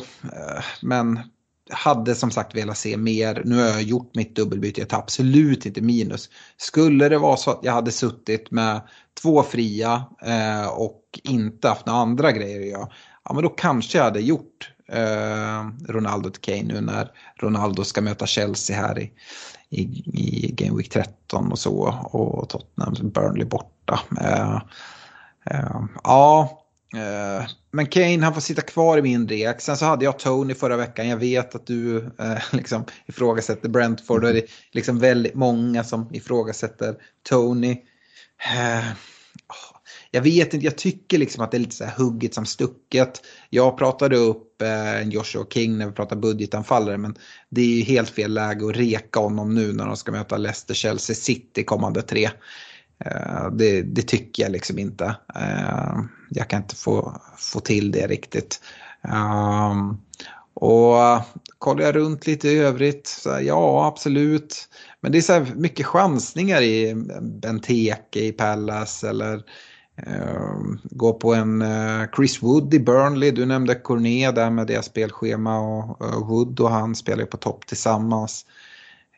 Absolut, men nej, jag sitter kvar med Tony. Jag är liksom inte jag tycker, jag kanske är liksom hans sista försvarare. Eh, det, det, var ju ett bjudmål han fick senast, det ska vi verkligen säga. Samtidigt så gör han eh, liksom, eh, ett till mål så här, precis eh, på gränsen till offside. Eh, jag hade ja. något friläge där med målvakten bortspelad. Och ja, jag, jag tyckte att det var lite... Eh, Eh, jag specialstuderade hans heatmap. Det kändes som att han kom högre upp i banan och inte alls föll tillbaka lika långt.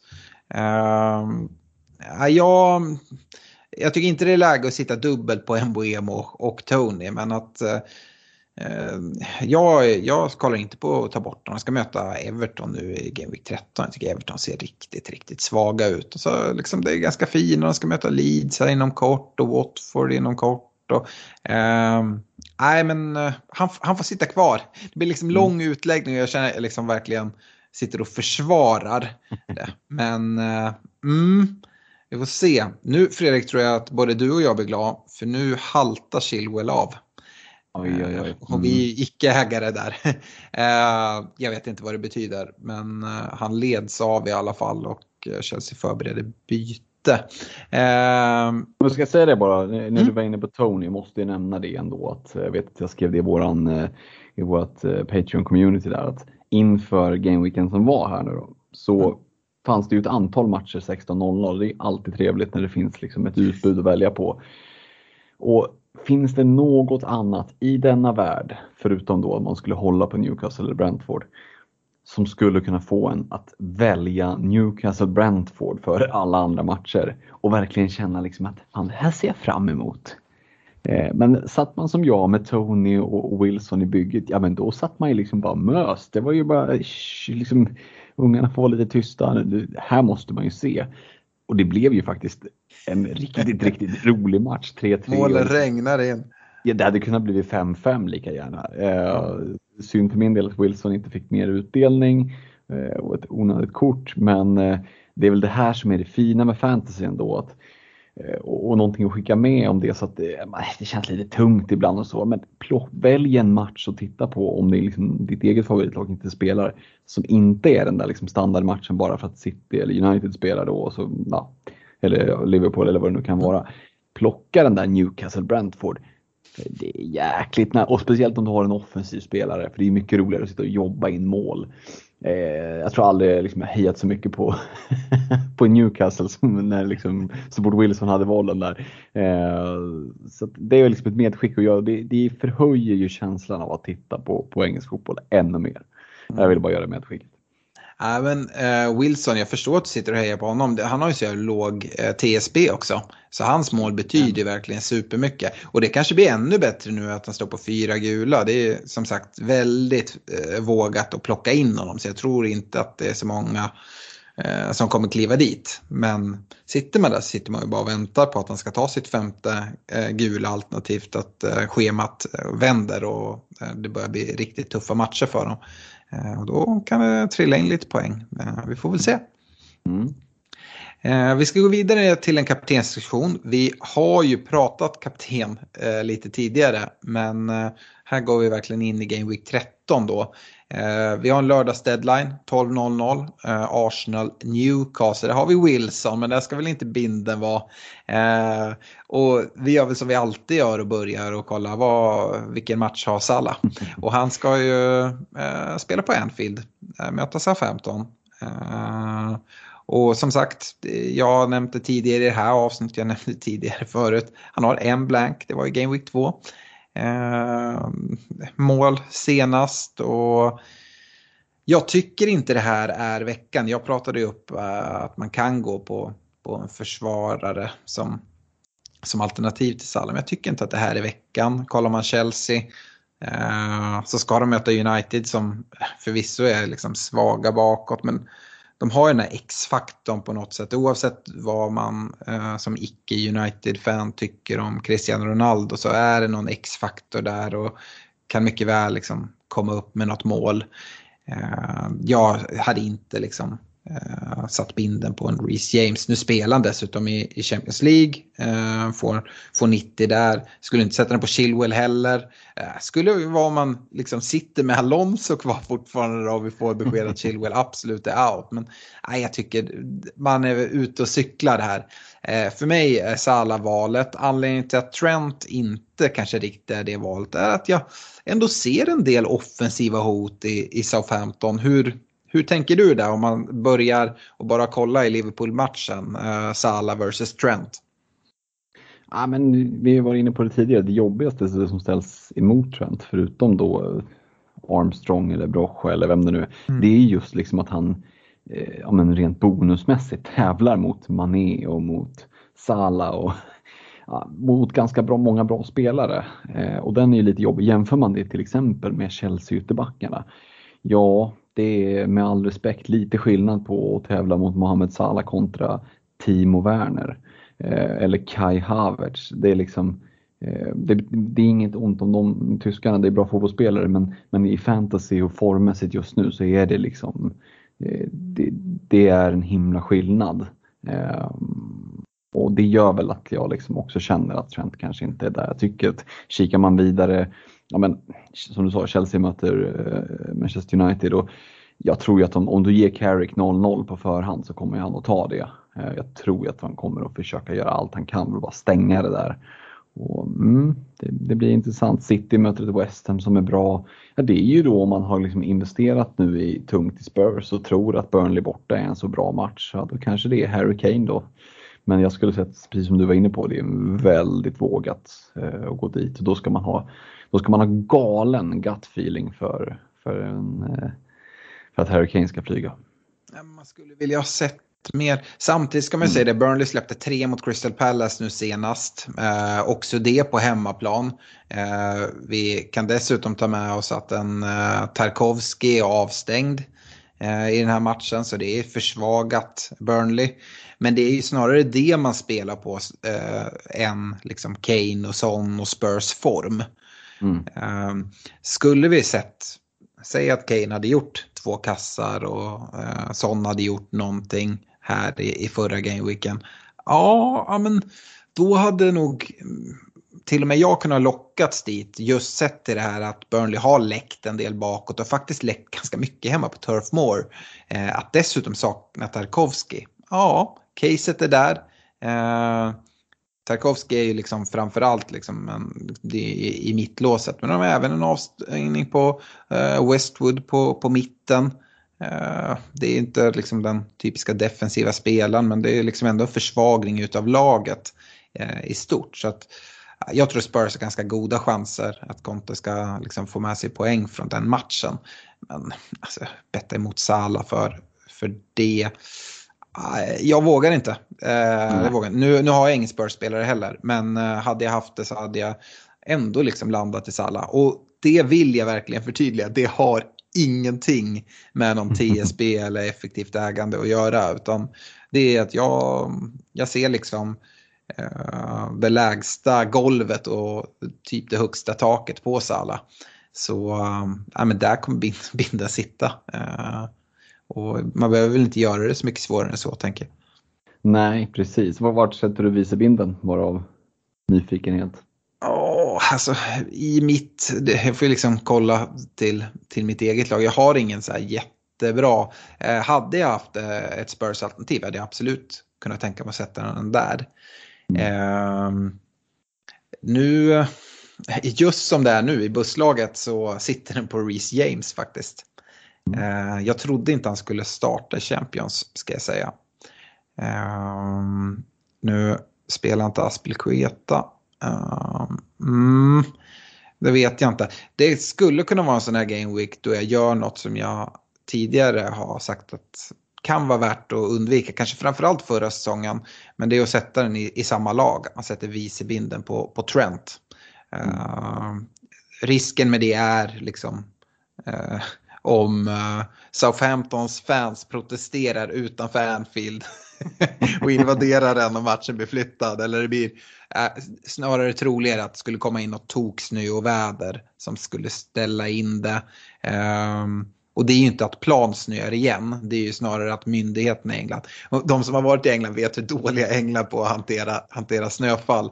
Det är ju liksom med snöröjning så här och att det inte är säkert för publik att ta sig till läktaren. Och liksom de stäng, de, sånt kan faktiskt hända, eh, det, det ska man ha med sig. Eh, man får väl kolla liksom väderleksrapporter. Eh, skulle även kunna vara någon sån här tok-covid-utbryt som skulle kunna flytta matchen. Se det som både snön och coviden som små risker att det ska flyttas. Men det skulle väl vara bara för att man sätter den på sam, i samma lag som det händer.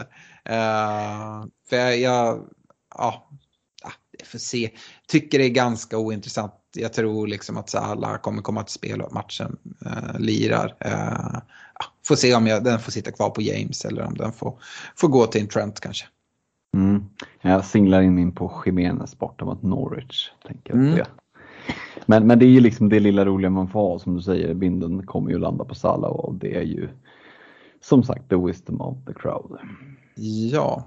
Eh, vi ska gå vidare till lyssnarfrågor och eh, har eh, fått en fråga från Peter Gradums. Eh, det, det, var väl... Eh, eh, ja, men han är inne på, det här är, det här är lustigt. Han, han tycker att eh, Wolves har vaknat till lite nu och börjat klättra. Han sitter med Wang, det var det du mm. var inne på. Mm. Eh, och tycker att han svalnar lite och försvinner ur matcherna samtidigt som Jiménez börjar göra en del mål. Undrar om man liksom ska göra det så kallade sidledsbytet. Han har ju en del pengar på banken och kan göra det. Eh, men samtidigt vill han liksom gärna ha de pengarna, vilket jag förstår. Och jag vet inte, nu rekade ju du Jiménez eh, mm. här. Men du nämnde även att det var ett kortsiktigt pant för Norwich Burnley 13-14. Sen kommer Liverpool City i följd i Game Week 15-16. Jag hade inte bytt in Jiménez, liksom, alltså gå från en Wolves-anfallare till en annan. Jag hade heller inte egentligen eh, som din rek, jag hade inte gått på din rek eh, i det här kortsiktiga. Eh, även om han har sett bra ut och för de här två matcherna. Det är två bra matcher och sitter man med honom så är det jättebra. Men jag tycker det är för sent att kliva dit nu. Ja, men jag är nog inte liksom, eh, riktigt med på det tåget. Tycker att det kan finnas ett värde. Jag tycker nog faktiskt att det kan finnas ett värde om bygget ser bra ut i övrigt. Jag tror att det är förvånansvärt många som ändå sitter med byggen som ser helt okej okay ut. Som kanske har sparat till två byten och ändå känner att oh, vilket byte ska jag göra? Jag måste göra något byte bara för att det inte ska brinna inne. Jag kan ändå se en uppsida i att, att plocka in, att göra faktiskt det eh, så kallade sidledsbytet. Om man nu kan kalla det för det. Jiménez är ju kanske mer av en talismanspelare och Wangs plats lite mer osäker. Så jag tycker att det är faktiskt är en, närmare en uppgradering än ett sidledsbyte. Eh, men, men du tror inte att One kan göra mål mot ett Norwich och Burnley? Absolut, så, såklart att han kan göra. Men skulle jag tvingas betta hus och hem på en av dem så hade det landat på Jiménez. Mm. Eh, det som också är med att byta in Jiménez är det är att absolut, han, han gör lite mål nu så här. Men så är, jag har alltid sagt det om honom, han har typ en offensiv return i sig oavsett om det är Norwich han ska möta. Eh, det är sällan man ser de här tvåsiffriga poängen från Jiménez. Så, ja, nej, jag vet inte. Vi är inte helt överens här, vilket är helt okej. Okay. Mm. Uh, men, eh, och det du säger att ja, men om man har två fria byten kan vi lika gärna göra. Jo, fast på något sätt kan jag tycka att det är även, det är inte bara ett byte du använder. Det blir ju ett byte och sen ett eh, inom kort förmodat byte. För att det är för mycket pengar att sitta med honom när det är liksom Liverpool City. Sen så fullt efter det ska de möta Brighton borta som är rätt tajta. Fullt utav Chelsea. Det är liksom inte bara Liverpool City. Det är liksom, ah, det är blodrött liksom. Mm. Ja, ja. ja det, det, där är spännande ändå för att jag kan ändå se att det finns liksom eh, lite av eh, ja, men någon form av liksom placeholder just för att det här ändå är ett prissegment där vi har ja, men lite upp så kommer det till Antonios vars schema kommer att vända sen.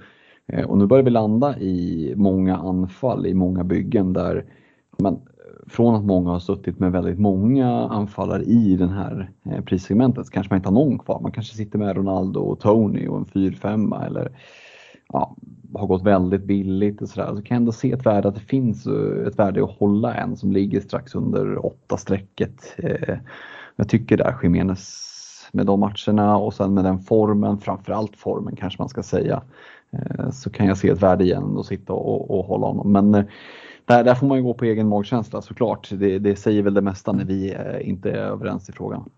jag, jag älskar att vi inte är överens. Det som eh, också är här, eh, det tycker jag, ehm, vi pratade tidigare om att vi båda är ganska tråkiga människor. Och det är väl här jag är liksom mer tråkig. Jag är inte så tråkig till, till effektivt ägandeskap. Men just det här med liksom långsiktigheten på byten. Att jag, ganska sällan jag gör de här kortsiktiga pantsen. Att ja, för två game weeks, jag gör det bytet.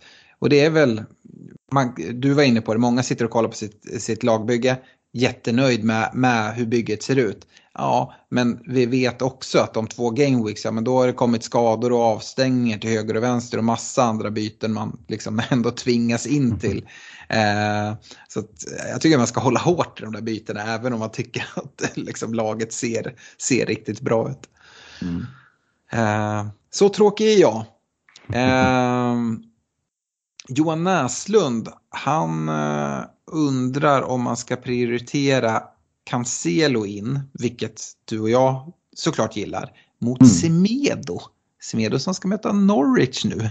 Eh, han har pengarna liksom för att göra bytet. Men mm.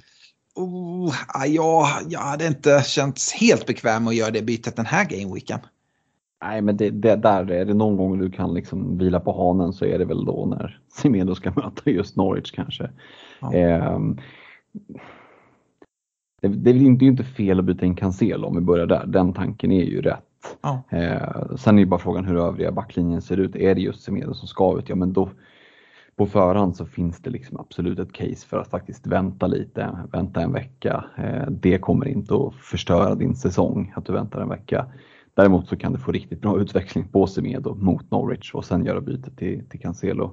Eh, sen kan det vara så att man sitter i en situation ja, men som du där man ser kommande prishöjning och det är tajt om pengar. Ja, då, då kan det vara värt att trycka av det. Men eh, det, jag skulle säga att det är inte fel eh, att göra bytet men man bör absolut tänka sig en extra gång och det behöver heller kanske inte vara fel att faktiskt vänta en vecka med att göra det kollar vi worst case scenario så har ju City Champions League-match eh, mot ett PSG och en match som City behöver vinna om de ska liksom vinna gruppen. Eh, jag antar att Cancelo kommer spela. Worst case scenario gör bytet, Cancelo bänkas eh, här mot West Ham. Mm. Eh, och Semedo liksom har matchen mot Norwich. Det finns inga garantier där men det är en bra match i alla fall. Uh, han, han ställer en frågan om man istället kanske ska göra Ronaldo till Kane. Ja, och det kanske jag gillar mer. Mm. Uh, om man nu sitter med två fria byten. Uh, sitta med två fria, att liksom Ronaldo ska möta Chelsea eller Kane som ska möta det här decimerade Burnley ändå. Det är ju såklart en chansning, men du får, där kommer liksom in den här tråkigheten in. Att där ser liksom eh, utrymmet att sen, sen så har Kane Brentford, sen, sen har Kane Norwich. Att liksom, mm. ja, jag, jag gillar men, det eh, mer. Ja, men du, vet, du, kan kombinera den här tråkigheten med att Kane har fina t- låga T-spel på 10,9 så då finns det ett riktigt bra case för att göra det bytet istället. Ja, får vi säga så då. Men sen så också att ähm, är det så att han bara är ett byte, då kommer han förmodligen vilja eh, ta in Cancelo eh, här snart i alla fall. Eh, och ja men då, eh, då kanske liksom att eh, han inte ska göra något byte alls den här veckan. Men det liksom, man behöver liksom ha hela bygget framför sig för att kunna fatta ett sånt beslut. Men eh, jag gillar Ronaldo och Kane om man liksom har den möjligheten att göra det gratis och gärna med liksom bara ett byte när man har två fria. Eh, Asad Amaya har just två fria byten. Eh, han ska plocka ut Cresswell och Havertz. Eh, och tar då in Cancelo, har vi hört det förut, eh, men vi gillar det. Och en ny mittfältare ska han ta in. Han undrar vilken mittfältare han bör satsa på. Eh, han har redan Salah, Jota, Son och Bissoma. Eh, och har 7,3. Och här ska jag verkligen kasta in den. Jag har sagt Gündogan och han har ingen City-mittfältare ju. Vad säger du om det Fredrik? Mm, ja, nej, men det är en bra, eh, en bra differential helt klart. Jag tycker mig inte höra Gallagher där så för mig kändes det som ett, eh, ett ganska bra val. Men nej men Gündogan, vi såg ju under förra säsongen vad, vad han kunde göra. 7,2, ehm, TSB på 2,8. Det är klart att poängen är värda mycket, vi tjatar om det, men det, det, det är de. Och han är ju en sån spelare, jag tror att det ligger ganska färskt i minnet hos folk. Eh, den här streaken han hade förra säsongen så kommer han igång och liksom växlar upp poängleveransen än mer så kommer, då kommer den där TSPn stiga ganska snabbt. Då kommer 7,2 bli 7,3, 7,4, 7,5. Eh, så att, ja, det skulle kunna vara en sån där att man kan vara en early adopter på på Gündogan. Men eh, då är det min tur att vara lite tråkig och ändå säga Gallagher ändå. ja, det är härligt. Eh, vi gillar ju Cancelo in istället för Cresswell i alla fall. Mm. Eh, och att plocka ut Havertz gör han ju helt rätt i, mm. tycker jag.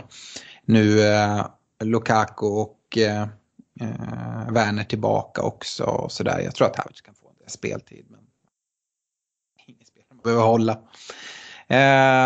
Han har även en fråga om när det är läge att dra sitt wildcard och vi är väl så tråkiga som vi har varit tidigare på den här frågan att det finns liksom inget självklart svar på den frågan utan man måste se till sitt bygge eh, när det liksom passar bäst och, och dra av det helt enkelt. Men där kan man ju säga att om det är så att man ändå då spanar mot, säg Game Week 15, då mm. tror jag till och med att du kan köpa in det på en Jimenez två Game Weeks i en pant där man vet att jag kommer ändå ha ett wildcard att, att dra då. Absolut, men nu har, han, nu har han ju Cresswell och Havertz som ska utges den här veckan. Mm, just det, det var så. Eh, men, eh, men absolut, då hade jag gillat det på ett helt annat sätt. Jag hade till och med kunnat gillat att plocka in en, en, en Callum Wilson, kanske inte för den här veckan men liksom sen. Yes. Brian van den Brink, han, det är ingen fråga, han skriver bara Vardy, bra spelschema nu framåt. Men iskallt lag och iskall spelare, punkt. Eh, jag vet inte om man vill att vi resonerar kring Vardy. Eh, hur hade du gjort om du hade suttit med Vardy i det här läget? Som sagt, spelschemat eh, ser ju rätt eh, fint ut för Leicester, men de är kalla alltså. Ja, de är iskalla. Nej, men det är ju min frågan nu. Offrar man ett byte där uppe? Och ja, det vi var ju inne på det tidigare med, med budgetanfallare. Jag tycker att det finns liksom pengar att spara här och har man så mycket pengar investerat framåt, förmodligen, jag förmodar att man sitter med Sala också, eh, då hade jag sett ett läge i att lösgöra lite stålar. Eh, um, sen om man gör det liksom i ett byte med Vardy ut en vecka och så väntar eller om man istället kanske liksom väntar in och har två fria byten och sen ger sig lite handlingsfrihet. att eh, ja, men att kunna göra liksom Vardy ut och sen växla över det till, till att växla upp en eh, budgetback till en premiumback till exempel i samma vecka. Mm. Eh, nu när de ska möta Watford hemma. Det, jag hade kanske, liksom, kanske vilat lite på hanen en vecka för att sen kunna göra ett, ett dubbelbyte med honom ut efter det. Jag hade absolut också sett till att ha ett dubbelbyte och jag skulle göra det med, med Leicesters fina spelschema och med en Vardy som vi vet kan hitta på något när som helst. Um, jag, eh, jag tycker så här, jag tycker Gottman även eh, om man har två fria, kan sitta kvar med honom. Och där går det egentligen till, till sig själv och du är inne på det. Då får man se på sitt bygge. Är man nöjd med sitt bygge i övrigt, ja men sitt kvar med honom. Jag tycker det är en fin spelare att liksom sitta med eh, med det här spelschemat om man inte behöver pengarna på annat håll. Om man känner, om man till exempel som mig den här gameweeken där jag sitter med en Brandon Williams som en femte försvarare och kan göra honom till Cancelo som man inte har eller någon annan av de här premiumbackarna vi pratar om. Ja, men då är det ett ganska bra läge att liksom eh, omfördela eh, pengarna. Men jag, jag har jättesvårt att hitta anfallare som jag vill plocka in. Därför prioriterar jag inte anfallsbyten. Så ett byte på Vardy just nu för mig, det hade varit för att som sagt Eh, inte prioritera anfallsbytet för att prioritera ett byte någon annanstans i sitt lag och förbättra generellt. Um, så är du nöjd med ditt lag då hade jag bara suttit där med Vardy uh, och varit glad. Uh, hoppas på att det vänder. Uh, för Leicester egentligen. en annan anfallare, vi pratar inte jättemycket om honom. men Robin Andersson undrar, undrar om det är läge för St. Maximan Eh, nu för de kommande 5-6 gameweeken istället för en spelare som eh, Adam Armstrong i, i Southampton till exempel? Ja, alltså, alltså ska man vara ärlig så har ju St. Maximan sett, sett hetare ut än, än uh, Callum Wilson uh, i de senaste matcherna och nu är det Arsenal borta, Norwich hemma, Burnley hemma. Uh, han är väl ett av de där alternativen. Sen om han är det man väljer att gå på eller inte, jag vet inte. Eh, ja, det, det, finns många alternativ att välja på. Det, jag vet inte om jag hade bytt in San Maximan nu. Mm. Han, stå, han står inte högst upp på min önskelista. Alltså det är vad vi har sagt hela tiden tycker jag. De här anfallsbytena är så svårt att hitta någon, någon prioritering på. Uh, ja, det är om du har ett bra bygge i övrigt och inte vill göra någonting annat och sitter med två fria att man liksom kan, kan göra ett sånt byte. Även om det inte är i samma lag så ser jag det typ som ett sidledsbyte faktiskt. Det, det är en coin flip, det kan lika gärna vara så att det är uh, uh, Armstrong som tar mest poäng liksom, här, mm. här framöver. Mm. Jag fick en känsla av att han skulle väga på afrikanska, men han är väl fransman, eh, Max, San Maximin va? Jag tror att han är fransman. Ja. ja. Uh, ja, den, den törs jag inte ta på uppstuds. Det kan vara värt att kolla dock. Precis, och det, vi kan väl lägga med den brasklappen på att man liksom eh, man ändå lägger med det någonstans i bakhuvudet inför nu när det blir tajta gameweeks här, att man ändå har med sig det att eh, många av de som, är, eh, som kommer från, från eh, afrikanska länder, de ska iväg och spela. Eller åtminstone har du tänkt att byta in dem, kolla upp om de ska iväg. För det mm. blir ju en faktor snabbare än man tror. Man tänker, ja men det är långt kvar. Jo fast byter du in någon av dem då sätter du liksom ett problem to be i laget. Eh, och ibland kanske man gör det medvetet men att det är tråkigt att liksom göra det och sen komma på att, åh fan, det skulle jag inte ha gjort. Han, han, har, han har gjort U-landskamper för Frankrike ser jag. Mm. Så pass. Uh, Yes, eh, en annan anfallare, Afif Khan. När ska man ta in eh, Watkins? Mm, det är ju eh, en spaning som jag, som jag gillar. Jag tycker Watkins har sett bra ut de senaste matcherna.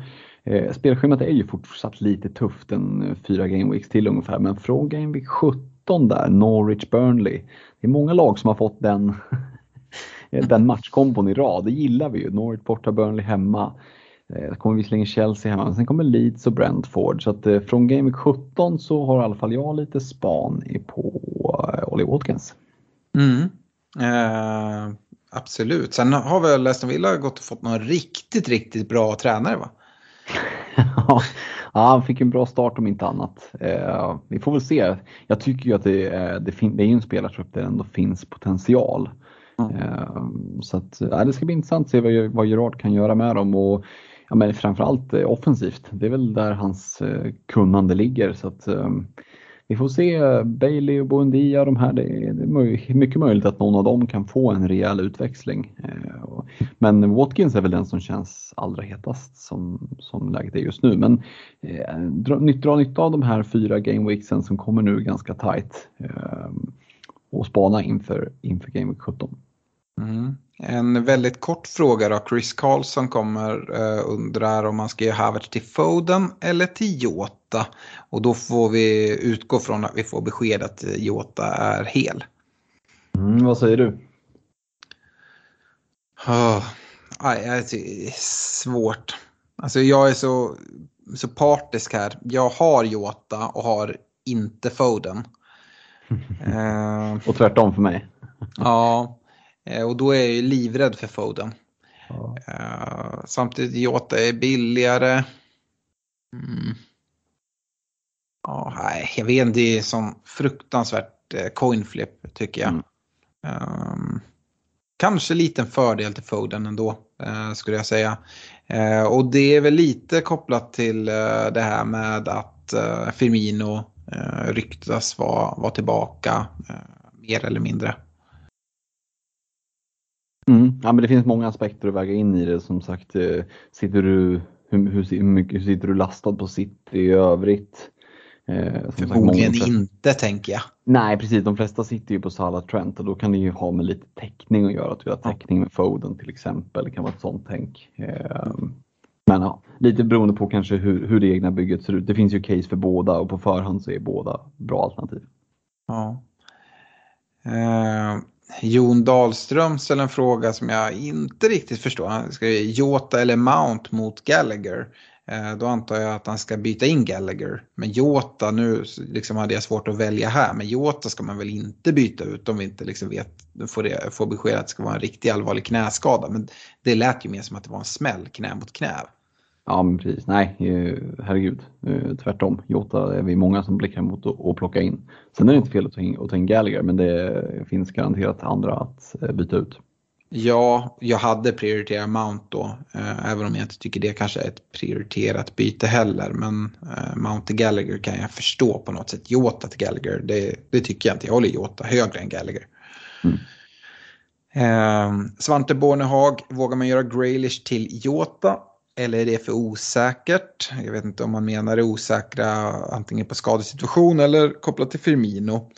Eh, Annars, vem hade vi kikat mot? Han har tröttnat mot, på Graylish och har dessutom en del pengar i banken. Eh, och han behöver göra det här bytet eftersom att han har en hel del skadebekymmer och sådana här saker. Och eh, liksom, för att få ihop det så behöver han göra något byte och få, få till det här. Ehm, och jag kan väl liksom se då sidledsbytet till, till en Gündogan. Jag vet inte om jag har snöat in här. ja, kan vara ett alternativ. Nej, Grealish har ju verkligen fejdat ut. Eh, tappat lite speltid, tappat fart. Eh, det var ju inne på för ett par gameweeks sen att ja, men nu väljer City tillgång och så håller du den. Men det finns ju också liksom ett, eh, det finns ju en gräns för allting och till slut står du och håller liksom i ett, i ett rep men det finns ingen häst kvar i, i andra änden och då kanske det är dags att inse att det är dags att släppa det där repet och, och, och gå vidare. Eh, Sidledsbytet till, till Gündogan, ja, eller till Foden Tycker jag, tänk, jag tänker också om man behöver göra bytet och nu det ser ut som att liksom Grealish är, är borta. Mm. Uh, det är väl liksom det, annars hade jag nog ändå rekommenderat att sitta kvar med Grealish. Uh, ja, det, det, det är det där, jag tycker inte att man ska hoppa så mycket mellan City-spelarna. Uh, de kommer komma in i lite olika stimmen, poängen kommer att komma. Men om man är skadad och liksom missar och man verkligen behöver göra bytet. Sen så Jota som man föreslår, ja men det är ju bra alternativ. Jag ville bara kasta upp något annat eh, och då mm. nämner jag eh, Gündogan. Mm. Um, Yes, uh, Jens Tors är helt uppgiven. Han bytte eh, bort uh, din favorit Bernardo Silva. Uh, för han tro inte trodde att han skulle göra så mycket poäng. han bytte ut Rafinha för att han var skadad hela tiden. Och när han gjorde det så gjorde han mål två raka omgångar. Han, han, säger att han snart ger upp. och sitter med Kane och konstaterar att skulle jag byta ut Kane nu skulle han göra mål. och vi kan väl alla känna igen det, att man kommer in i så här dåliga perioder och onda cirklar. Att dåliga beslut leder till, eh, till fler dåliga beslut. Och um, det är väl bara att säga det, att liksom försöka se nyktert på det. Uh, att inte göra förhastade saker. Till exempel tidiga byten är jättedumt att göra när man är inne i en sån här ond period. Uh, att, att liksom låta det gå lite tid och göra sena byten istället. Eh, precis som man är inne på, jag hade absolut inte rekommenderat honom att byta ut Kane om man nu sitter med honom. Eh, sen kanske det blir så att Kane kommer blanka nu i alla fall. Ja men då får det vara så. Det är, det är värre att byta ut honom och så exploderar han mot de här sämre motstånden. Um... Ja precis och sen tycker jag att när man har hamnat i den här liksom snegungan och man kommer fel på det, risken då blir att man bara jagar förra veckans poäng. Mm. Eh, låt säga nu att Reece James spelade nu ikväll när vi spelar in tisdag, spelar han eh, mot Juventus hela, hela matchen. Det är ju inte liksom helt omöjligt att han faktiskt blir bänkad till helgen. Eh, och det kommer vara många som har tagit in honom, men låt säga att man inte har tagit in honom och känner att ah, jag måste dit. Och så blir han bänkad och då, då liksom vänder man blicken ifrån honom och så går man mot den som tog poäng nu till helgen istället. Och så hamnar man fel där. Så, men jag skulle ha tagit in James. Ja, just det här liksom att faktiskt backa lite. Vem är det jag faktiskt egentligen vill ha? Ja, Okej, okay, det, det, är ju James. Att han blir vänkad eventuellt.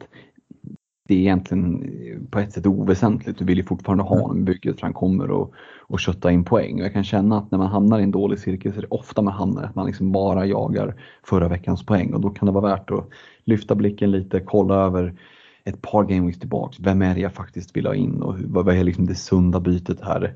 Inte bara jaga den som, som råkar ligga högst upp i poängtoppen just föregående vecka.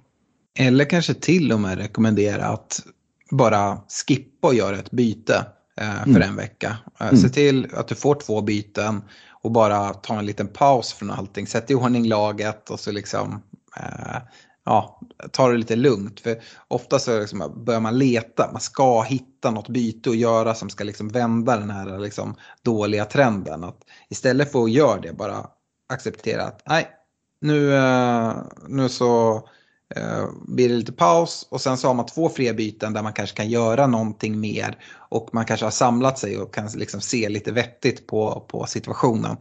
Mm. Eh, det behöver inte heller vara helt fel. Um, sista frågan då från Pontus Gunlycke. Uh, han var ju också inne på det. Son såg helt bortkommen ut senast mot Leeds och rena turen att Spurs fick tre poäng. Uh, blir det någon jävla kontoeffekt eller inte? Uh, han är då alltså skapligt sugen på att kasta ut sin enda Spurs-tillgång redan e-, efter en vecka i laget. Något jag inte rekommenderar. Eh, I och med hur han går på mot Son så antar jag att det är han han har. Och det är väl den jag skulle vara mest eh, orolig över. Eh, Reguljon rekar ju till och med. Eh, och eh, Eh, Kane tycker jag liksom ändå man såg tendenser för. Men eh, ja, jag tycker ändå inte om man har gått på sån att det är någon man skickar ut nu. Eh, eller vad, vad säger du? Nej, inte med det här spelschemat. Eh, sitter man investerad i en Spurs-spelare nu då ska det ju till liksom en skada eh, för att man ska blicka därifrån. Utan då får man ju se till och det gäller att komma ihåg när man tar in en spelare också att ja, men, vi pratade om Kai Havertz för ett antal veckor sedan när man tog in honom för typ tre bra matcher och så hade han liksom levererat lite dåligt de två första. Jo men du måste ju också räkna in en tredje. Du kan inte plocka in honom, ja han spelade dåligt de två första, så skickar jag honom. Ja men så flög han i tredje matchen. Återigen, kliv tillbaka. För vilka matcher var jag tog in honom? Eh, visst, nu hade ju Spurs en bra match men du har ju förmodligen tagit in sån till stor anledning för kanske framförallt eh, Game Week 13, 14, 15 eh, som ju är tre riktigt bra matcher och då måste man någonstans, även om det inte ser jättebra ut, ge honom den chansen. Eh, för jag håller med, han har inte sett superbra ut. Men helt ärligt, hur många blir jätteförvånade om vi ser 3-4 returns som nästkommande tre gameweeksen eh, ackumulerat för, för Son med det motståndet. Det är ju ingen som kommer tappa hakan så att eh, lugn, sitt lugn i båten bara. Jag var också inne på det i vår Patreon-tråd. Det var någon uh, som liksom ville få betalad till förstånd. Och så här, visst är jag ute och cyklar nu med Luk Lukas Mora om man skulle kolla mot honom som en lite billigare ingång i, i Spurs men man ändå vill dit. Uh, och jag avrådde för det och en anledning är att jag skulle inte alls bli förvånad om Conte uh, stökar om lite och går över till en 3-5-2 snarare mm. än en 3-4-3 som man har spelat nu. Uh, för det tycker jag är problemet att Son kommer lite långt ut på kanten. Men Conte skulle absolut kunna känna så ah, nu har jag testat det här några matcher, tycker inte riktigt jag får den effekt som, som jag ville få. Eh, alltså de här wingbacksen kommer fortsatt vara en del men vi resonerar ju en del inför om man skulle gå på en 3-4-3 eller en 3-5-2 och då flytta in som bredvid Kane snarare. Och det hade ju verkligen gynnat som tror jag. Um, och det kan mycket väl hända här eh, vilken omgång som helst. Eh, jag säger inte att det blir så, men det skulle kunna bli så. Och då helt plötsligt så ja, kan det bli intressant. Tänk om det är det som gör att, ehm, att Spurs eh, lyfter och eh, då tror jag att lyfter de så kommer Son och, och både Son och Kane vara en del utav det. Så eh, ja, jag, jag tycker att man bara sitter kvar där helt enkelt. Mm. För att undvika att hamna i den här snegungan alla Jens Tors som han eh, pratar om. Mm. Yes, men eh, med det kanske vi ska slå igen butiken. Eh, stort tack för att ni har lyssnat. Eh, jag önskar alla ett stort lycka till inför helgens Game Week. Och sen så har vi en så här quick turnaround med en midweek Game Week 14 som börjar på tisdag. Eh, vi kommer ju såklart som alltid spela in avsnitt sena tisdagkvällar. Då kommer vi lägga fokus på, eh, på Game Week 15 som kommer till, till efterföljande helg.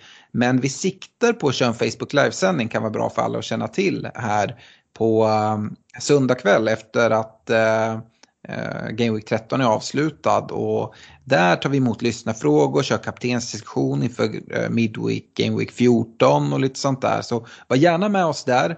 Eh, vi kommer utannonsera lite närmare om tider och, och lite sånt där. Men uh, det, det, kommer. Så vi ska försöka köra lite sådana här Facebook Live-sändningar när det är sådana här Midweek-veckor. Ja, stort tack för att ni har lyssnat och ha det bra. Hej då! Ha det gott, tja!